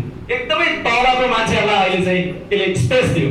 एउटा समाजलाई एउटा भाइब्रेन्ट र लोकतान्त्रिक बनायो। एउटा गतिशील अवसरहरू सिर्जना गर्यो। त्यो चिजहरूलाई चाहिँ यसमा चाहिँ हामी आत्तिएर हामी चाहिँ त्यसलाई रोक्नुपर्छ भन्ने हामी इलिट छौँ इन्क्लुडिङ मी हामी भन्छौँ। तर यसरी सोचेर हुँदैन यो एउटा अपर्च्युनिटीको प्लेटफर्म हो। यस कुरामा चाहिँ धेरै नै त्यस्ता कठोर व्यवस्थाहरू राखिने हो भने भोलिदेखि जुन किसिमले इन्टरनेटले एउटा टोटल डेमोक्रेसी ल्यायो भन्छौँ इन्टरनेट नै एउटा डेमोक्रेसीको यस्तो एउटा भेहिकल हो जसले साँच्चीकै भुइँ मान्छेहरूलाई आवाज दिएको छ। एउटा गाउँको कुनामा बसेको गोठालाले भेडा चलाउँदै जाँदा प्रधानमन्त्री शेरबहादुरलाई गाली गर्न सक्छ यसले जिन्दगीमा असी वर्ष बाँचे पनि कहिले पनि त्यो प्रधानमन्त्रीलाई कुनै प्रश्न सोध्न वा गाली गर्न सक्दैन थियो हिजो। आज गर्न सक्ने त्यसले मौका पाएको छ। भैँसीको गोबर सोध्दा सोध्दै मलाई गृहमन्त्री मन परेन भने म त्यहीबाट गृहमन्त्रीलाई आलोचना गर्न सक्छु। त्यो अधिकारलाई आज जब खतम पार्न खोजिँदैछ यो विधेयकबाट भने यो चाहिँ हामीले धेरै नै ध्यान दिनुपर्ने यसको चाहिँ कुराहरू छ र पशु र सजायको हकमा पनि यो एक किसिमको कन्सिस्टेन्सी पनि छैन। डबलहरू डबल अघि सुरजले भन्नुभयो अब काठमाडौँ जिल्ला अदालतले लामो फैसला गर्दा एक लाख सजाय छैन। जेल राख्या तिन महिनाभन्दा पनि छैन होला बढीमा बढी। यहाँ अहिले नयाँ प्रस्ताव पन्ध्र वर्षको आयो। अदालत भन्दैछ जस्तो अपराध भइरहेछ तिन महिना थुनिरहेछ। यहाँ चाहिँ पन्ध्र वर्ष थुन्ने आएको छ। भने यस किसिमको चाहिँ गम्भीरतम यो ट्रेन भन्दा माथि गएको छ जसको कुनै जस्टिफाई हुँदैन। ती कुराहरू मिलाउनु पर्ने कुराहरू पनि यसमा छ र केही दफाहरू चाहिँ हटाउनु पर्छ भन्ने पनि हाम्रो सुझावहरू छ। त्यही पनि हाम्रा प्रस्तुतिहरूले यहाँलाई यसो केही लागिसकेका हुनसक्छ नि त मनमा। ती कुराहरू चाहिँ फेरि एक्सप्लोर होस् आओस् भन्ने हिसाबले मैले चाहिँ यो ओपन गरेँ। हाम्रो ऋषि घिमिरे है हाम्रो सुप्रिम कोर्ट बारको सचिव। यहाँले गरेको रिसर्चमा हेर्दै जाँदाखेरि चाहिँ यो म्यासेजको विषय छ जुन म्यासेन्जरमा एले बीलाई चाहिँ कुनै म्यासेज चाहिँ म्यासेन्जरमा पठायो। त्यसलाई हामीले के यो पब्लिक डोमेनको सुजमा राखेर हेर्छौँ अथवा प्राइभेट प्राइभेसीको डोमेनमा राखेर हेर्छौँ। यो विषय एकदमै महत्त्वपूर्ण छ। सुप्रिम कोर्टले के भन्यो भनेदेखि तिमी जिल्ला र तलले निर्णय गर्दाखेरि चाहिँ यो प्राइभेटी प्राइभेसीको म्याटरलाई तिमीले पब्लिक डोमेनमा राखेर हेऱ्यौ भनेदेखि चाहिँ यो विद्युतीय कारोबार ऐनलाई तिम्रो अन्डरस्ट्यान्डिङ चाहिँ एकदमै गलत हुन्छ है भनेर चाहिँ बोलेको छ यो जुन यहाँहरूले साइबर इनेबल र साइबर डिपेन्डेन्ट भनेर भन्नुभयो नि एकदम ठिक ढङ्गले इस्यु उठाउनु भएको छ। उठाउनु भएको छ। यो प्याटर चाहिँ प्रहरी प्रशासन र सरकारी वकिलमा चाहिँ मलाई लाग्छ ठुलो अन्डरस्ट्यान्डिङमा प्रब्लम चाहिँ देख्छु म। सँगसँगै जिल्लाको न्यायाधीशमा पनि यो देखिएको छ। धेरै नै सबै न्यायाधीश होइन। केही न्यायाधीशहरू चाहिँ पर्फेक्टली बुझाएको छ यो क्रिमिनल लको जुरिस्प्रुडेन्स बुझ्नु भएको छ। तर यो साइबर क्राइमको जुन एक छ यो खेलाउने क्रममा दुरुपयोग चाहिँ धेरै देखिएको छ। मलाई भन्नु नाङ्गो फोटा चाहिँ एउटा म्यासेन्जर टु म्यासेन्जरमा चाहिँ गएको छ भने त्यो म्याटर भनेको चाहिँ यो डिफामेसनको म्याटर बन्न सक्ला। तर साइबर क्राइमकै म्याटर बनाइदियो भने त्यहाँभन्दा ठुलो ड्यामेज त के हुन सक्ला? त्यस हुनाले गर्दा यो च्याप्टरलाई चाहिँ मेरो यहाँहरू समक्ष विनम्र अनुरोध सुप्रिम कोर्ट समेतको चाहिँ केस यहाँले हेरिदिनु भएको भएदेखि अझ म हेर्न पनि अनुरोध गर्छु। यो चाहिँ हाम्रो रिसर्च पर्फेक्ट हुन्थ्यो भन्ने मेरो निवेदन गराइ यो पहिलो निवेदन गराइ छ दोस्रो निवेदन गराइ यो मैले अघि पनि निवेदन गरेँ यो साइबर क्राइमलाई हेर्दाखेरि चाहिँ हामीले विशेष गरेर प्राइभेसी भर्सेस पब्लिक डोमेनको विषयवस्तुलाई सँगसँगै यसलाई राखेर हेऱ्यो भनेदेखि चाहिँ यो अघि एउटा इस्यु उठाउनु भएको थियो। नि misuse of section forty seven of ETA भनेर भन्नुभएको छ। यो टेकडाउनले उठाउनु भएको छ। के प्राइभेटको म्याटर हो? के चाहिँ पब्लिक हो भन्ने कुरो नै दुविधा हुनाले नै मलाई लाग्छ यो साइबर क्राइमसँग रिलेटेड यो एक्टलाई भनेको चाहिँ दुरुपयोग गरेको भन्ने लाग्छ मलाई। त्यसले गर्दा तारादेखि अघि एउटा इस्यु उठाउनु भएको छ। जिल्लाको न्यायाधीशलाई चाहिँ ट्रेनिङै दिनुपर्छ भन्नुभएको छ। यो मलाई मलाई पनि लागेको थियो त्यो हो हामीलाई पनि त्यो लागेको हामी धेरै मुद्दा बहस गर्छौँ। चित्त बुझ्दैन। अब त्यो जिल्लाको न्यायाधीशलाई जस्ता जस्तै छोडेर हामी उता जान्छौँ। त्यहाँबाट सधैँ पाएन भने सुप्रिम कोर्ट पुग्छौँ त्यसमा सबै हाम्रो अपेक्षा यो हुन्छ। हामी पनि हामी लयर पनि एक खालको परिवेशमा हामी पनि अप्ठ्यारोमा छौँ। तर त्यसलाई भनेको चाहिँ निवारण गर्ने भनेको चाहिँ यस्तै खालको फोरमबाट भनेको चाहिँ निवारण गर्ने अवस्था भनेको चाहिँ सिर्जना हुन्छ। त्यो एनजिओले पनि ट्रेनिङ चाहिँ दिन्छ। जिल्ला अदालतको न्यायाधीशलाई उदालतको न्यायाधीशलाई दिन्छ। त्यसले पनि धेरै माझ्ने चाहिँ काम गरेर देखिन्छ। त्यसले गर्दा हामी लयरको सेक्टरबाट हामी बार एसोसिएसनको सेक्टरबाट जे जे गर्न सक्छौँ त्यसको लागि भनेको चाहिँ यहाँले उठाएको आवाज भनेको हामी ल्यान्डिङ गर्न एनी टाइम तयार छौँ।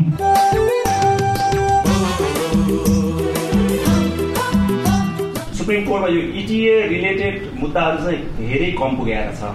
त्यसबाट अलि अलिक भोलामक मुद्दा नभएसम्म सुप्रिम कोर्ट हेरिहाल्नलाई बेला भएको छैन। एक दुईवटा मात्रै मुद्दा पुगेको छ धेरै जसो अरू हिसाबले गएको मुद्दाहरू छ भने तर सुप्रिम कोर्टले जुन अभिव्यक्ति स्वतन्त्रताका मुद्दाहरूलाई हेरेको छ त्यो हामीले फेरि एनालिसिस गर्न चाहिँ पक्कै सकिन्छ। त्यसै गरी जिल्ला सहायक न्यायाधिवक्ता काठमाडौँ सिलुका लिन्थे। यो I love you two month भनेको आधारमा मात्रै मुद्दा चलायो देखियो भन्ने कुरा आयो त्यस्तोमा चाहिँ हामी के गर्छौँ भने हामी मुद्दा चलाउन त चाहँदैनौँ तर पनि कस्तो हुन्छ भने अब अघि पनि भनिसक्नु भयो यो साइबर क्राइम इटिए सम्बन्धको चाहिँ यो काठमाडौँ मात्रै हुन्छ काठमाडौँ जिल्ला अदालतमा मात्रै हुन्छ अनि अर्को भनेको चाहिँ एउटा टेकको परिसरबाट त्यसको चाहिँ साइबर ब्युरोबाट चाहिँ अनुसन्धानको क्षेत्रले कार्य राखिन्छ तर बाहिरबाट आएको जति साइबर ब्युरोबाट अनि यहाँ काठमाडौँमा भएको केही चाहिँ यो टेकु परिसरबाट पनि हेरेको अवस्था अनुसन्धान गर्छ अब अभियोजन गर्ने चाहिँ जिल्ला सरकारी वकिल कार्यालयले भयो त्यसको चाहिँ यो कस्तो अवस्थामा चाहिँ हामी आउँछौँ भने हामी पनि दर्ता गर्न चाहँदैनौँ तर उहाँहरू जुन भिक्टिमहरू हुनुहुन्छ अथवा न्याय दिने निवेदन दिनेहरू हुनुहुन्छ उहाँहरू चाहिँ उमा जाँदैन परमादेशमा जानुहुन्छ अनि त्यताबाट आउनु भएपछि अदालतले चाहिँ यो दर्ता गरेर जे भए पनि उसले चाहिँ कम्प्लेन गरेको छ तिमीहरूले चाहिँ अनुसन्धान गर्ने काम हो तिमीहरूले चाहिँ कसो यो हो होइन भन्ने होइन भनेर चाहिँ परमादेश गरेपछि चाहिँ अनि अनुसन्धान निकायले गर्ने निकायले पनि बाध्य भएर दर्ता गर्नै पऱ्यो नत्र भने चाहिँ कोर्टको अवहेलना भन्ने हुन्छ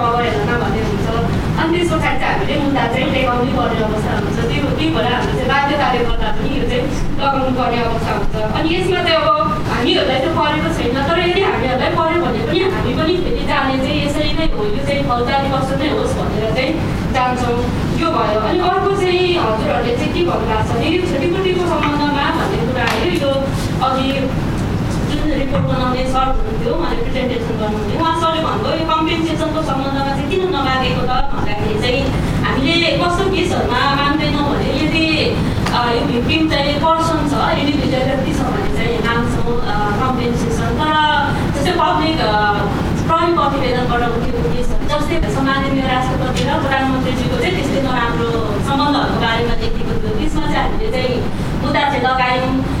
तर त्यसमा चाहिँ यदि कम्पेन्सेसन आयो भने अब प्रधानमन्त्री त कम्पेन्सेसन लिन आउने कुरा पनि भएन उहाँले लिने कुरा पनि भएन हो। यस्तो कुराहरूमा चाहिँ हामीले कम्पेन्सेसन माग्दैनौँ अनि अर्को भनेको चाहिँ केही अश्लील शब्दहरू जस्तै सार्वजनिक नैतिकता विरुद्धको कसरोहरू त्यस्तो शब्दहरू चाहिँ जसले चाहिँ समाजमा चाहिँ देश फैलाउने घृणा फैलाउने कुराहरू चाहिँ पब्लिस गरेको छ भने त्यस्तो अवस्थामा पनि अब त्यो राज्यको चाहिँ दायित्व भयो। तर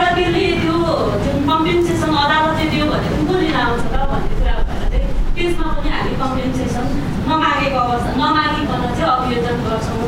यो भयो।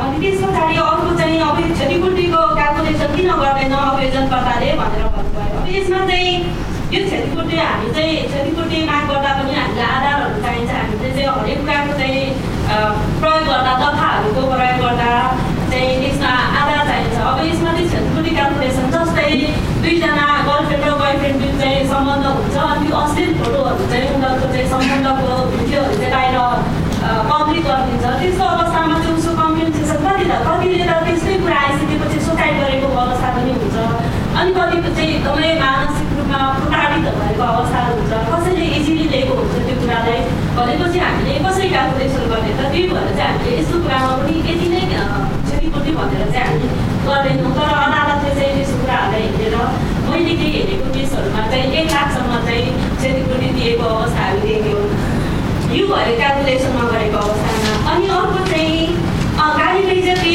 मैले अलिक समय पठाइदिएँ कि हजुर गाडी बेइज्जती मुद्दा हुनुपर्नेमा चाहिँ किन एटिएममा गयो भन्ने कुरा भयो अहिले पछिल्लो संविधानमा गाडी बेइज्जतीले पनि समेटेको छ हो र गाडी बेइज्जतीमा त्यही गाडी बेइज्जती गऱ्यो भने कम सघायो अनि विद्युतीय माध्यमबाट गऱ्यो भने चाहिँ बढी सघायो चाहिँ गाडी बेइज्जती ऐनमा पनि छ अनि यही कुरा चाहिँ फेरि यता व्यक्तिगत गोपनीयता सम्बन्धी ऐनमा पनि केही व्यवस्थाहरू छ अनि यो संविधानमा पनि छ अनि छुट्टै ऐनमा पनि छ त्यही कुराहरू तिनतिर छ अनि इटिएमा पनि अथवा विद्युतीय कारोबार ऐन दुई हजार त्रिसठीमा पनि छ अनि त्यो हुँदा हुँदै हामी किन दुई हजार त्रिसठीमा प्रायः युज गर्छौँ त भन्ने कुरा आयो अब यो गर्दा चाहिँ कस्तो छ भने अब जस्तै अब मेरो चाहिँ प्रिन् कस्तो प्रिन्सिपलले चाहिँ के होला भन्ने भने अब यो विधायिकाले बनाउने हो हामीले चाहिँ न्यायाधीशहरूले चाहिँ व्याख्या गर्दाखेरि चाहिँ विधायिकाको मनसा व्याख्या गर्नुपर्छ भनेर भन्छ त्यो चाहिँ बुझेर अनुमान गरेर अथवा बुझेर चाहिँ व्याख्या गर्नुपर्छ भन्ने छ हामी त अभियोजनकर्ता हो तर मैले बुझेको चाहिँ के हो भने जस्तै गाडी बेइज्जती पनि तपाईँले चाहिँ चार पाँचजनाको बिचमा अथवा यो अहिले हामी जति पचासजना जति छ होला पचासजनाको बिचमा गाडी बटाएर तपाईँको सोसियल जुन प्लेटफर्ममा राख्नुहुन्छ सामाजिक सञ्जालमा राख्नुहुन्छ त्यो भनेको चाहिँ हजारौँले हेर्छ लाखौँले हेर्छ होइन त्यो गरेको कारणले चाहिँ उसको चरित्रको सम्बन्धमा चाहिँ राख्छ। अनि त्यस पछाडि चाहिँ सयजना जतिलाई ट्याग गरिदिन्छ। त्यस्तो अवस्थामा चाहिँ त्यो कसुरको त अझै हुन्छ। अनि त्यसले चाहिँ भिक्टिमलाई अझ बढी क्षति पुऱ्याउँछ जति पचासजनाको बिचमा भन्दा र लाखजना हजारजनाको बिचमा भन्दा चाहिँ हजारजनाको बिचमा हुँदाखेरि चाहिँ उसको अझ बढी चाहिँ त्यो चरित्र हत्याहरू भयो त्यसले चाहिँ त्यो पीडितलाई चाहिँ अझ बढी पीडा पुर्याउने भयो भन्ने प्रिन्सिपलमा चाहिँ यो गाली हजुर अनि अर्को चाहिँ यो एउटाले अर्कोलाई म्यासेज पठाएको डिफामेसन मात्रै हुने यो चाहिँ इटिएमा हुने भन्ने सम्बन्धमा चाहिँ के छ भने यो ठिक हो त्यो त भनेको सर्वोच्चले पनि यसरी व्याख्या गरेको चाहिँ छ तर कस्तो छ भने यो इटिएको सत्तालिसमा चाहिँ के छ भने पछिल्लो संशोधनमा चाहिँ महिलालाई हैरानी दिने अपमान गर्ने यस्तो शब्दहरू पनि लेख्नु नहुने भनेको चाहिँ हेरासमेन्ट भन्ने हुन्छ। अब जस्तै त्यो अश्लील शब्दहरू अथवा अश्लील फोटोहरू चाहिँ बारम्बार पठाएको पठाइ गर्छ एउटा अनुवाद गर्छ अर्को अर्को फेसबुक अर्को फेक आइडी खोलेर त्यो पठाउँछ अनि त्यो न्युड पिक्चरहरू पठाएको पठाएकै गर्छ भने त्यो महिलालाई हैरानी हुने कि नहुने उसलाई म्यासेजमा मात्रै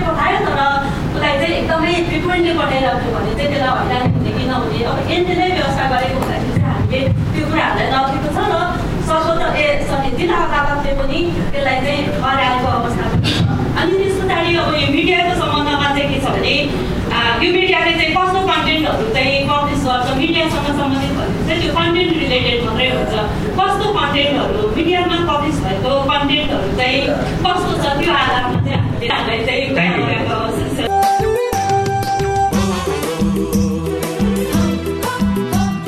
अधिवक्ता सन्तोष सिग्देलजी वा डिजिटल राइट्स फाउन्डेसनको चेयर पनि हुनुहुन्छ। सन्तोषजी यो रिसर्चहरू जुन तयार गर्नुभएको छ त्यसको लागि प्रोटोकललाई धेरै धन्यवाद। हामी कहाँ एकाडेमिक डिस्कोर्सहरू एकदमै कम हुन्छ। त्यसले गर्दाखेरि पब्लिक डिस्कोर्स हुँदैन। रिसर्चहरूको काम कम भएर कानुन बनाउनुभन्दा अगाडि जति छलफल हुने हो त्यति छलफल हुँदैन त्यसले गर्दा हामी रियाक्टिभ रूपमा कानुन बनिसकेपछि अनि यो भएर भने छलफल गर्छौँ संशोधनलाई थुप्रै वर्ष लाग्छ अहिले हामी कहीँ आइटी बिल बन्न थालेको अठारमा बाइस भइसक्यो चार वर्ष भइसक्यो संसदमा बसिरहेछ अब त्यो आउन साथै फेरि संशोधनको छलफल सुरु गर्नुपर्ने हुन्छ किनभने टेक्नोलोजी अगाडि बढिसक्यो चार वर्ष हामी पछाडि परिसक्यो अरू पाँच वर्ष लागिसकेको हुन्छ त्यसले गर्दा त्यो ढिला भयो डिजिटल सिज अब जर्नलिजम अन्डर डिजिटल सिज भन्ने जुन यसपालिको थिम राखेको छ त्यो थिम मलाई लागेको चाहिँ पछिल्लो चरणमा यो इन्टरनेट अथवा डिजिटल प्रविधिको जति हाम्रो एडाप्टेसन भइरहेको छ संसारभरि नै ए बिहान भर्खर मैले इन्डिया इन्डियाको डेटा हेरेको थिएँ एनडिएको नेपालमा सन्तानब्बे प्रतिशत मोबाइल ब्रोडब्यान्ड त्यसपछि गएर सत्ताइस प्रतिशत चाहिँ फिक्स ब्रोडब्यान्ड अनि एक सय छत्तिस प्रतिशत चाहिँ मोबाइल पेनेट्रेसन भनेको छ। त्यसले गर्दा डिजिटल कनेक्टिभिटी एकदमै बढ्दै गयो। अनि सँगसँगै ट्रेडिसनल मिडियाहरूले आफूको पैसा चाहिँ बिस्तारै अनलाइन मिडियातिर जान थाल्यो भनेर अनलाइन त्यसले गर्दाखेरि पनि अलिकति डिजिटल ट्रेडको हिसाबले सिजको हिसाबबाट हेर्ने हुन्छ नि। त्यो सँगसँगै आएको अरू पनि सर्भाइलेन्सको कुरा मिसइन्फर्मेसन डिसइन्फर्मेसनको कुरा यिनीहरूले गर्दाखेरि पनि डिजिटल डिजिटल थ्रेड चाहिँ बढ्दै गएको देखिन्छ।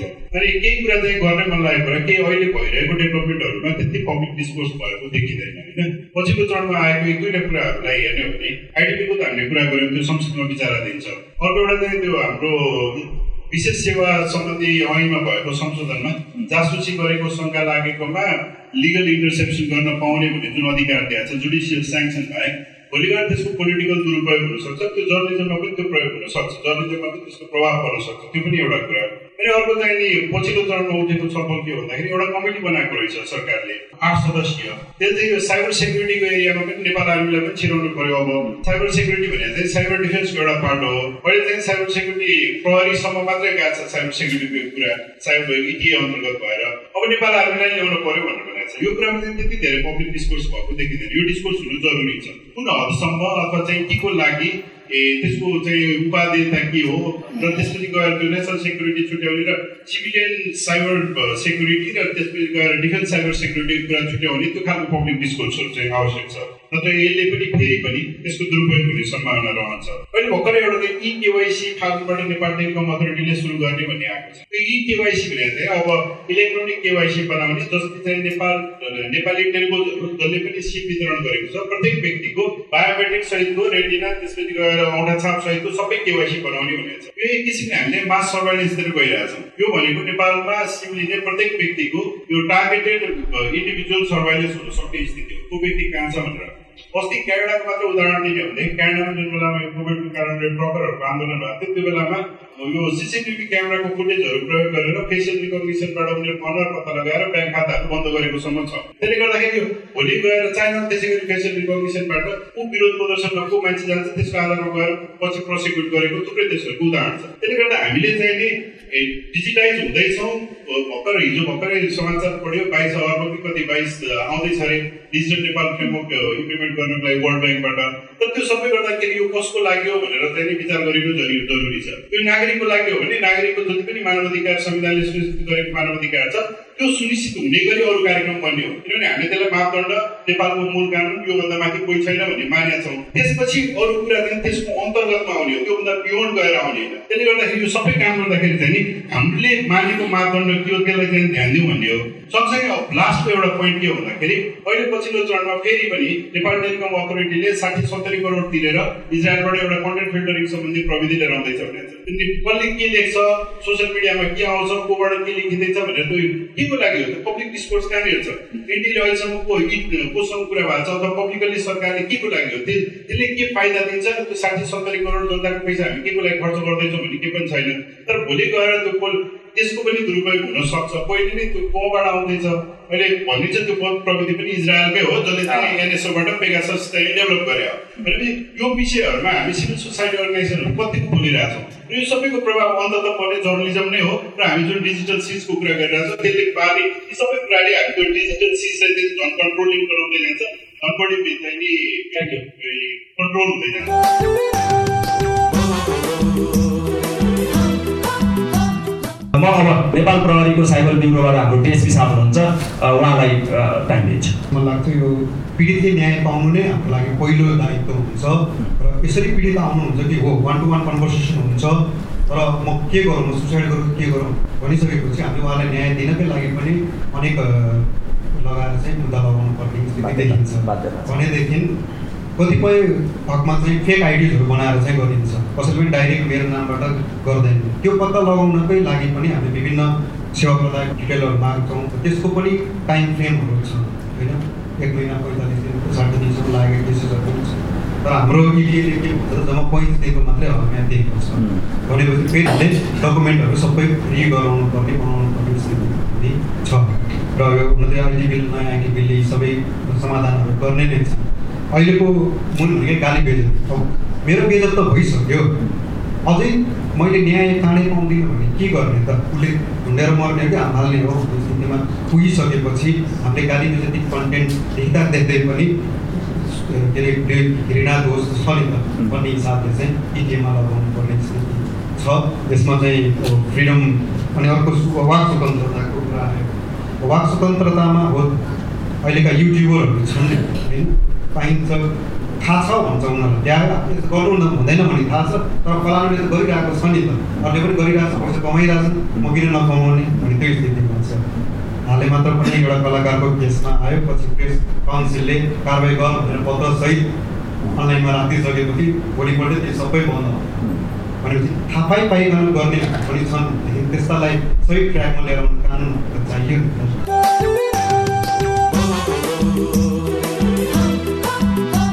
पहिला यहाँ आएँ पवित्राजीमा मैले यहाँनिर यो वर्ल्ड फ्रिडम डेको सेलिब्रेसन गर्दै गर्दाखेरि अहिले साइबरको इस्यु सोसियल मिडियाको इस्यु र इन्टरनेटको इस्यु हेर्दाखेरि चाहिँ एउटा अन्डरस्ट्यान्डिङको हामीलाई एउटा मिनिमम हुन्छ नि त्यो न्यूनतम शर्तहरू जस्तो। जस्तो भिक्टिम पर्सपेक्टिभबाट हामीले भोइस अफ द भोइसलेस पिपुलको हिसाबले जर्नलिस्टहरूले निभाउनु पर्ने दायित्वको लागि रिसर्चले एउटा रिजल्ट दिएको छ मैले देखेको होइन? अनि त्यसमा अब अगाडि पनि धेरै छलफल गर्नुभएको छ। मैले पनि साइबर क्राइमका केही केही मुद्दा हेर्दाखेरि चाहिँ मैले साइबर क्राइममा मुद्दा मात्रै होइन क्या साइबर क्राइममा हामीले अघि दाइले भने जस्तो इलिट जर्नलिस्टहरू ट्विटरमा धेरै एक्टिभ उहाँहरू बिचमा पर्सनल संवादहरू भन्दा पनि प्यानिक भएर मान्छे पागलै हो होला जस्तो भएको सिचुएसन पनि छ। अन्तखेरि ट्विटरमा फलोवर बढाउनलाई सोसियल मिडियाको एउटा ट्रेन्डमा अलिकति फलोवर बढाउनलाई एउटा ग्रुपिजम पनि राम्रै हुन्छ क्या। एकजना मान्छेलाई अट्याक गरेपछि उसको सर्कलले त्यो मान्छेलाई त्यो कति दिनसम्म सुत्न नदिने त्यो योजनै बनाएर दिन्छ। त्यो मेन्टल ट्रमा जुन इलेक्ट्रोनिक मिडियाले अथवा सोसियल मिडियाले जति दिन्छ नि त्यसको तुलनामा जुन जेनरल लले एड्रेस गर्ने गाली बेजतीका इस्युजहरू छन् त्योभन्दा पहिला त पत्रकार रिलेटेड हो भने त प्रेस काउन्सिल जानु पर्यो। त्यो लामो बाटो तय तय गर्दै गर्दाखेरि सफर हुनुपर्ने मान्छे जीवित हुन्छ कि हुँदैन भन्ने सिचुएसनले गर्दा सायद अहिले प्रोसेसमा लगेर उनीहरूलाई किन भने लगेर थुनिदिइहाल्यो भने त एक खालको रिलिफ हुन्छ भन्ने हुन्छ। त्यो नम्बर वान हो। अनि अर्को भनेको जुन सर्कुलेसन छ जति छिटो चाहिँ त्यो बेजती भनेर हामीले जुन भन्छौँ जति छिटो चाहिँ इन्टरनेट प्लेटफर्महरूमा हुन्छ अनि त्यो चाहिँ कम्पेरिटिभली फिजिकली प्रेजेन्स भएर गर्ने क्राइमहरूमा चाहिँ कम हुन्छ। त्यो एउटा भयो। यो एउटा डिस्कसन हुन्छ भने रिसर्चले अर्को मलाई चाहिँ एक्सपेक्टेड हुन्छ मैले फुल पढ्न एकदम पढ्छु हामीले हेर्ने भनेको freedom of expression as a right त्यसमा चाहिँ इन्टरनेटले होस् कि सोसियल मिडिया जेसुकैले दिने च्यालेन्जेसहरू के के हुन्छ भन्ने कुराहरू हेर्ने हो भने फेरि अघि ऋषिजीले भनेको जस्तो प्राइभेट र पब्लिकमा हामीले अलिकति क्लियर हुनु जरुरी छ। किनभने जस्तो क्रिटिसिजम रेस्पोन्सहरू अनि त्यो गर्ने र मिडियाले रोल गर्दै गर्दा लगाउने लगाम भनेको एउटा इस्यु हो होइन? अनि अर्को जुन भिक्टिम जो जेनरल केसेसहरू आउँछ सर्वसाधारणका केसेसहरू आउँछ त्यसमा जुन महिला बालबालिकाहरू देखियो त्यो फरक विषयवस्तु हो क्या? अनि हामीले अहिले छलफल गर्नुपर्ने विषय भनेको फ्रिडम अफ एक्सप्रेसनको लागि हामीले यो यो कुरामा चाहिँ हामी कम्प्रोमाइज गर्दैनौँ भन्ने विषय चाहिँ हो जस्तो लाग्छ। अनि त्यसमा चाहिँ डिपेन्डेन्ट जुन एनेबल र डिपेन्डेन्ट क्राइम्सहरूको कुरा छ नि त्यसमा केही क्यारेक्टरहरू छन् त्यो क्यारेक्टरहरू चाहिँ जुनसुकै बेला हर हमेसा रहिरहन्छ त्यो विषयमा चाहिँ अलिकति रिसर्च त्यो विषयमा मोडियो भने पछिका दिनमा चाहिँ राम्रो हुन्छ।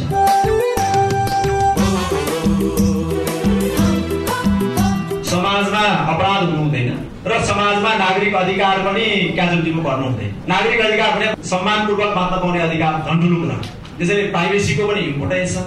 फ्रिडम अफ एक्सप्रेसनको लागि पनि कहीँ बहानाबाजीमा त्यो दमनमा नपरोस्। अब प्राइम मिनिस्टर र प्रेसिडेन्टलाई गरे क्रिटिसिजम चाहिँ त्यो चाहिँ कसरी तपाईँ इलेक्ट्रोनिक ट्रान्जेक्सन एक्टमा आएर त्यो त एउटा पब्लिक फिगरलाई गरे क्रिटिसिजम त पब्लिक क्रिटिसिजम हो। अब यही कुराहरूले गर्दा यो विवादहरू बढेको यस्ता केही कुराहरूमा चाहिँ यो चाहिँ स्टेटले दुरुपयोग गर्यो। उहाँहरूले गर्नुभयो भने होइन जसले लडायो उनीहरूले के देख्यो भने उनीहरूले पुलिस र सरकारी वकिललाई चाहिँ दबाब दिए बाध्य गरे र आफ्नो राजनैतिक संरक्षण गरे। यदि त्यो कुराबाट उसको पोलिटिकल ड्यामेज भयो उसको पर्सनल ड्यामेज भयो भने त कम्पनसेसनको लागि त ऊ पनि जानु पर्यो नि। कम्पनसेसन क्लेम गर्नु पर्यो गाली बेजेतीमा डिफेमेसनमा जानु पर्यो। तर पोलिटिकल क्रिटिसिजम छ भने त सहनु पर्यो नि। म पब्लिक पर्सन पनि हुने म आलोचनाबाट पनि म भाइने त्यो त मैले पाउँदिनँ। यो एउटा डेमोक्रेटिक कल्चरको अभावले गर्दा मिसयुज भएको हो। र इटिएको मिसयुज हामीले त्यहाँ मात्रै देखाएको छौँ। म अब पवित्राजी उहाँलाई टाइम दिन्छु। म एउटा विवाहित महिला हो। कसैले मलाई मेरो इच्छा विपरीत हेर्लो आई लभ यु लेखेर मेरो श्रीमानले देखेको अवस्थामा के हुन्छ? त्यो हामीले एनालाइसिस गरेका छौँ। हाम्रो नेपाली सोसाइटी भिक्टिम ब्लेमिङ कति छ। कहीँ उस्ती तै खराब त्यसले मलाई कति मानसिक दर्द दिन्छ हामीले चाहिँ लिभ एक्सपिरियन्सबाट हेरौँ न। यसले चाहिँ मलाई के लाग्छ भने यस्तो यस्तो तर्कले कुनै पनि हिंसा विरुद्धको शून्य सहनशीलता भन्ने हाम्रो नीतिलाई कमजोर पार्छ। अनि अब दस वर्ष अगाडि मलाई यस्तै एउटा घटना परेको थियो त्यसले मलाई अझै समय हिट गर्छ भने मैले न्याय पाउने कि नपाउने? त्यही भएर यस्ता तर्कहरूमा चाहिँ स्ट्यान्ड पोइन्ट भिक्टिमले के फिल गर्छ? उसलाई के प्रभाव परेको छ? उसपट्टिका त्यसपछि जोडिएर आएका घटनाहरू पनि एकदम हेर्नु जरुरी छ। कसैले मलाई किन भन्ने? मेरो सहमति मलाई आई लभ किन भन्ने? त्यो त भन्न पाउँदैन नि। त्यसले त मेरो भोलि इन्टरभ्यूमा मेरो जाने स्पेसलाई उसले थ्रेट गर्दा फेमिनिस्ट प्रिन्सिपलको विरुद्ध हुन्छ। मेरो फ्रिडम अफ ओपिनियनलाई असर गर्ला। त्यही भएर यो यस्ता एनालाइसिसहरू यस्तो इम्प्याक्ट एनालाइसिस गर्नु जरुरी छ। त्यसैले यस्ता चाहिँ म सहमति छैन।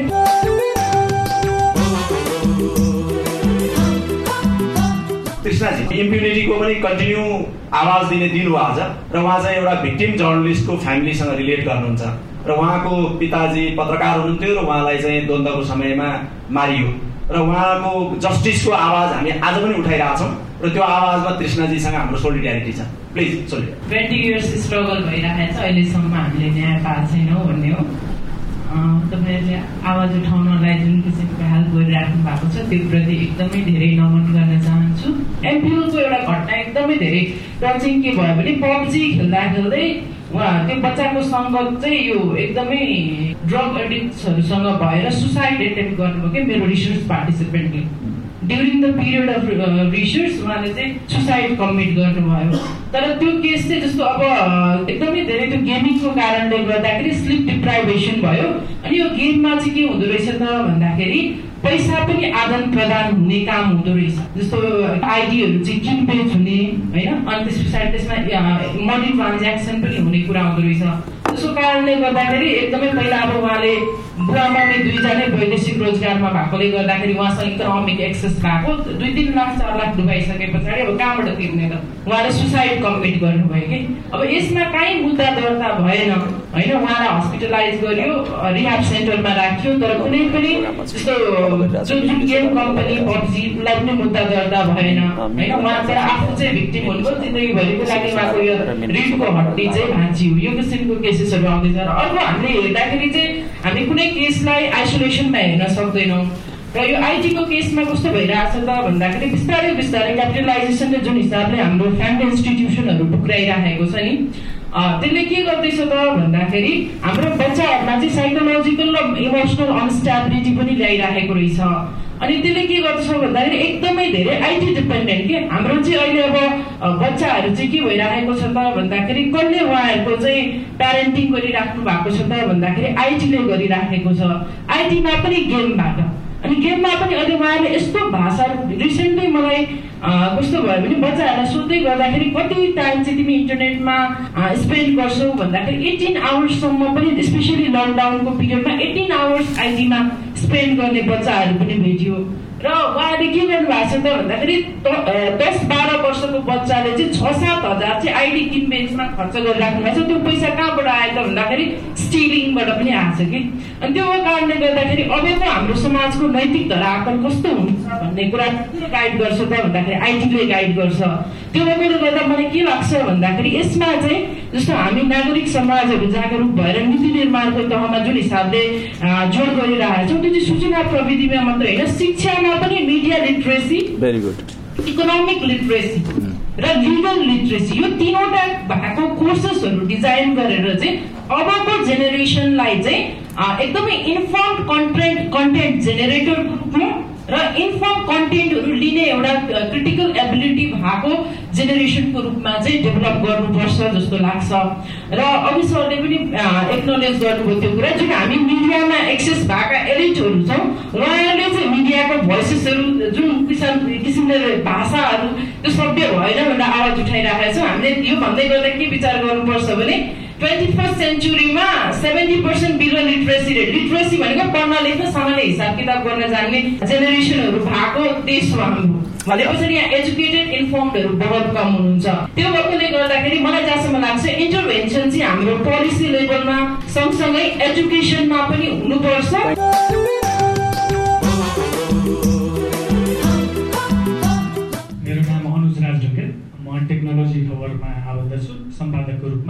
हुन त दुई चार वर्ष पुरानो सूचना प्रविधिको विधेयकको बारेमा छलफल गरिरहेका छौँ। तर त्यसपछि आएको अर्को राष्ट्रिय साइबर सुरक्षा रणनीति भन्नेको ड्राफ्ट बनिरहेछ त्यसको बारेमा हामीले बोलेनौँ। त्यो योभन्दा अझ बेसी खतरनाक छ। म त्यसका केही क्लोजहरूको बारेमा भन्छु। यहाँ एउटा त्यसमा चाहिँ रणनीति दस पोइन्ट आठमा एउटा लेखिएको थियो होइन? हामी त्यतिखेर पनि केही उल्लेख गरेका थियौँ। त्यसमा चाहिँ के भनेको छ भन्दाखेरि इन्टरनेट तथा सामाजिक सञ्जालको प्रयोग गरी झुट्टा खबर फेक न्युज सम्प्रेषण गर्ने कार्यलाई नियमन गरिने भनेको छ। सबैभन्दा हाम्रो प्रेस स्वतन्त्रता र फ्रिडम अफ स्पिचको सबैभन्दा ठुलो अब्स्ट्याकल त्यहाँ हुनेवाला छ। होइन भोलि जसलाई पनि चाहिँ तपाईँले झुट्टा खबर लेखिदिनु भयो यो गलत समाचार लेख्नुभयो फेक समाचार लेख्नुभयो भनेर जो पनि जेल जाने अवस्था छ। तपाईँ हामी सबै। त्यस्तै अर्को छ होइन राष्ट्रिय सुरक्षामा आँच पुर्याउने घृणा वा देश फैलाउने अनलाइन उत्पीडन अनलाइन हेरेसमेन्ट र साइबर बुलिङ गर्ने विभिन्न जात जाति र समुदाय बिचको सुमधुर सम्बन्धमा खलल पुर्याउने किसिमको डिजिटल सामग्रीको सम्प्रेषणलाई नियमन गर्ने। त्यो भने के हो? ती विषयवस्तुहरू भनेका राष्ट्रिय साइबर सुरक्षालाई आँच पुर्याउने कसले आइडेन्टिफाई गर्छ ती कन्टेन्टहरू ती विषयहरू त अझ चाहिँ संवेदनशील छन्। त्यो विषयमा पनि हामीले हेर्नुपर्छ होला। भर्खर यो ड्राफ्ट हुँदैछ। त्यो विषयलाई पनि यसमा चाहिँ अहिलेको लेटेस्ट इस्युलाई पनि ध्यान दिनुपर्छ भन्ने लाग्छ। अर्को मेरो आफ्नो विचारमा चाहिँ डिजिटल टेक्नोलोजी अथवा इन्टरनेट आफैमा खराब चिज होइन। जुन चिजलाई हामी धेरै प्रयोग गर्छौँ त्यसमा दुरुपयोग र प्रयोग दुइटै विषयवस्तु छ। हामीले त्यसलाई प्रयोग गर्ने कि दुरुपयोग गर्ने होइन? अब डिजिटल दुष्चक्र भन्ने एउटा शब्दावली त आयो तर म चाहिँ त्यो मानिदिनँ डिजिटलको सदुपयोग गरौँ सकेसम्म। त्यो भन्ने मेरो एउटा भनाइराखेँ अनि अर्को चाहिँ केही विषयहरूमा स्पष्ट पार्न चाहन्छु। जस्तो पछिल्लो चरणमा म केही समय अगाडि विभिन्न जिल्लाहरूमा चाहिँ यस्तै किसिमको छलफलमा पनि सहभागी भएको थिएँ डिजिटल अवेरनेसको र ट्रान्सफर्मेसनको विषयमा। त्यहाँ चाहिँ त्यहाँका युवाहरू एकदमै जागरुक छन् क्रिप्टो करेन्सीसम्मको कुरा आइरहेको छ होइन? क्रिप्टो करेन्सी चाहिँ देशको लागि खराब होला तर क्रिप्टो टेक्नोलोजी अथवा ब्लकचेन टेक्नोलोजी चाहिँ सबैभन्दा अहिलेको लेटेस्ट टेक्नोलोजी हो त्यसैमा बेस भएर धेरै चिजहरू काम हुँदैछन्। हामी मेटाभर्सको कुरा गरिरहेछौँ तर हाम्रा नीति नियमहरू चाहिँ अझै सय वर्ष पुराना नीति नियमहरू छन्। मेटाभर्समा जाँदाखेरि के हुन्छ होइन? केही समय अगाडिको एउटा उदाहरण दिन्छु फ्री फायर भन्ने एउटा गेम छ अनलाइन गेम। त्यसमा चाहिँ त्यो आठ वर्षको बच्चादेखि लिएर अठार वर्षको युवाहरूले चाहिँ धेरै जसो प्रयोग गर्दछन् इन्टरनेसनल्ली पनि। बेलायतमा चाहिँ एउटा के घटना भेटिएछ भन्दाखेरि त्यहाँभित्र चाहिँ एउटा क्लब अथवा पब बनाइएको थियो मेटाभर्समा र त्यसमा चाहिँ यौन कार्य गरिएको पत्ता लागेको छ। पछि त्यो छानबिन गर्दै जाँदाखेरि त्यो फ्री फायर बनाउने कम्पनीले त्यो डेभलोपरलाई लाइफ टाइम ब्यान गर्यो। र त्यसलाई चाहिँ छानबिनको लागि सरकारी निकायलाई आग्रह गरेको छ। मान्छे हामी त्यहाँसम्मको टेक्नोलोजिकल अपडेटमा गइसकेका छौँ। तर हामी हाम्रा अवस्थाहरू कहाँ छन् भन्ने कुरा चाहिँ हामीलाई पनि थाहा छैन। हाम्रा नियम कानुनहरू हाम्रा प्रविधिहरू हामीले कसरी एडप्ट गरिरहेका छौँ त्यो एउटा कुरा। अर्को मैले भन्न खोजेको चाहिँ कन्टेन्ट फिल्टरिङको कुराहरू आइरहेको छ हामीले व्यक्तिगत रूपमा पनि छलफल गरेका छौँ। एनटिए नेपाल दूरसञ्चार प्राधिकरणले हुन त अहिले पनि अनलाइनलाई चाहिँ प्रेस काउन्सिलको अनुरोधमा भन्दै कति अनलाइनहरू बन्द गरिरहेछ। त्यो कहाँ कुन कानुन अन्तर्गत पर्छ मलाई पनि थाहा छैन। होइन? कन्टेन्ट फिल्टरिङ गर्ने टेक्नोलोजी ल्याउँदैछ। त्यस विषयमा पनि हामीले छलफल गर्नुपर्छ। हाम्रा कन्टेन्टहरू हामीले लेख्ने समाचारहरू होइन? फलानु अनुज भन्ने नामलाई चाहिँ लाइफ टाइम ब्यान गर्ने। कन्टेन्ट फिल्टरिङ त्यस्ता डिभाइसहरू पनि आउँदैछन्। उनीहरूले राख्दैछन् त्यो विषयमा पनि एउटा छलफल गर्नु पर्ला अर्को चाहिँ मैले भन्न मेरो अनलाइन ठगीका चाहिँ चार सय एक्काइसवटा जति अपराध महाशाखाले हेर्दै रहेछ। करिब आठ करोड बराबरको त्यो क्षतिपूर्तिको केस छ। त्यो चाहिँ साइबर ब्युरोले हेर्नु पर्ने साइबर ब्युरो चाहिँ मान्छे समातेर हिँडिरहेको छ। आफ्नो हामी कहाँ चाहिँ के छ भने आफूले गर्ने जिम्मेवारी चाहिँ अर्कालाई पन्छाइदिरहेको छौँ अर्काको जिम्मेवारी चाहिँ हामी आफूले प्रयोग गरेर दुरुपयोग गरिरहेको छौँ कि भन्ने एउटा कुरा हो। र हामीले अहिले कुरा गरिरहेको इटिए e भनेको चाहिँ विशुद्ध रूपमा इ कमर्सको लागि बनाइएको होइन सबैजना स्पष्ट हुनुपर्ने छ। त्यहाँ लेखिएकै छ विद्युतीय कारोबार ऐन। भनेको त्यहाँ कारोबारको कुरा आयो क्या। कसैले अनलाइनमा कन्टेन्ट लेख्ने कारोबार हो र उसले त्यसबाट केही आर्जन गरेका छैन नि। होइन स्पष्ट छ त त्यहाँ। तर त्यो अघि नै भने जस्तो त्यसलाई के गरियो त भन्दाखेरि मिसयुज गरियो। शक्तिको भरमा। कोही शक्तिमा बस्छ आज नेपाली कङ्ग्रेस शक्तिमा होला हिजो एमाले थियो होला त्यसलाई चाहिँ हामीले के गर्यो पटक पटक दुरुपयोग गर्यो। जस्तै एउटा बेस्ट इक्जाम्पल दिन्छु। प्रहरीले चाहिँ कतिपय समयमा ऊ हुन त साइबर ब्युरोले उजुरीको आधारमा समाउँछ होला त्यो अर्कै कुरा होला। केही समय अगाडि एउटा अनलाइन है यसभन्दा अगाडिको सरकारका सूचना प्रविधि विज्ञ सल्लाहकारको कम्पनीले के गरिदियो त एउटा कन्टेन्ट नै उडाइदियो होइन?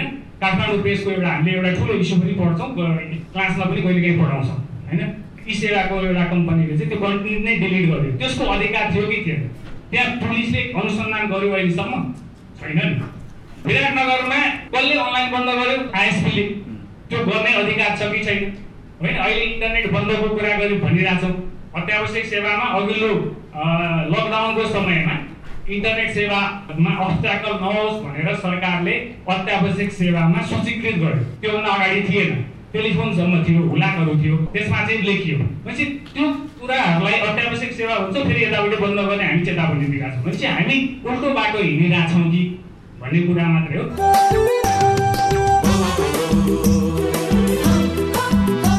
अब आजको हाम्रो उत्सवमा आफ्नो मन्तव्य दिन पत्रकार महासङ्घ अध्यक्ष विपुल पोखरेललाई राज्यले प्रष्ट दृष्टिकोण राख्न सकेन भने त्यो सही कारण बन्दैन सही कारण नबनेपछि त्यसबाट नागरिकले दुःख पाउँछ त्यसले गर्दा राज्यलाई सही कारण बनाउनका लागि हामीले हरेक समय चाहिँ दबाब आग्रह अनुरोध होइन आन्दोलन हडताल गर्नुपर्ने रहेछ भन्ने कुराहरू विभिन्न कालखण्डका बुझाइमा आएको छन्।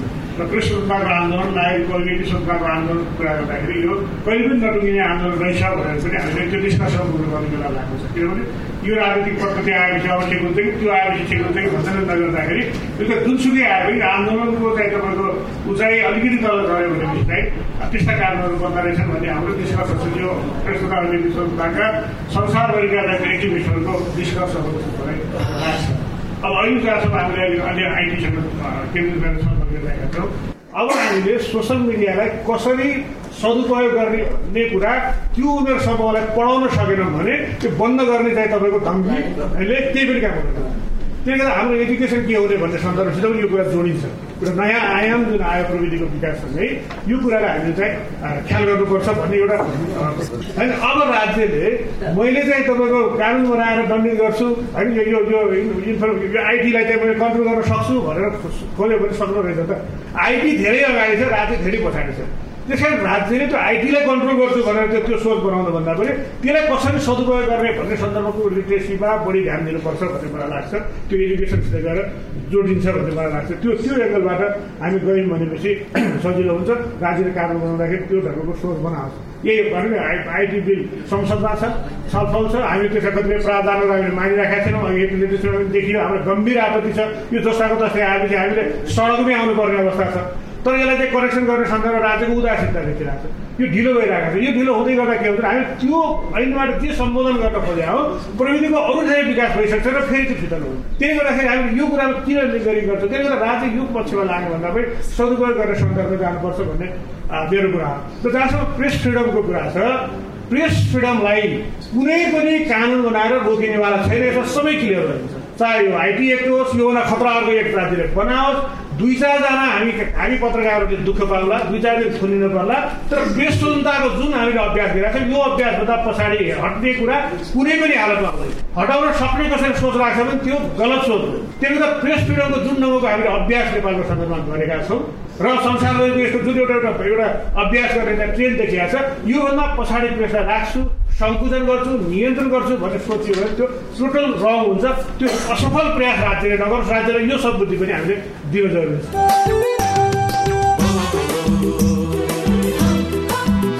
नेपालमा प्रेस स्वतन्त्रता सम्बन्धी तयार पारिएको आजको पडकास्ट यहाँहरूलाई कस्तो लाग्यो?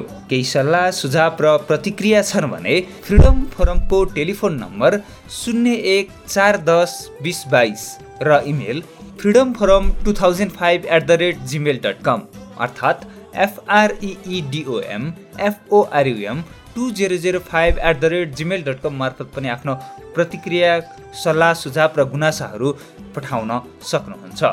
आजको पडकास्टबाट म आदित्य दहाल बिदा चाहन्छु। नमस्कार।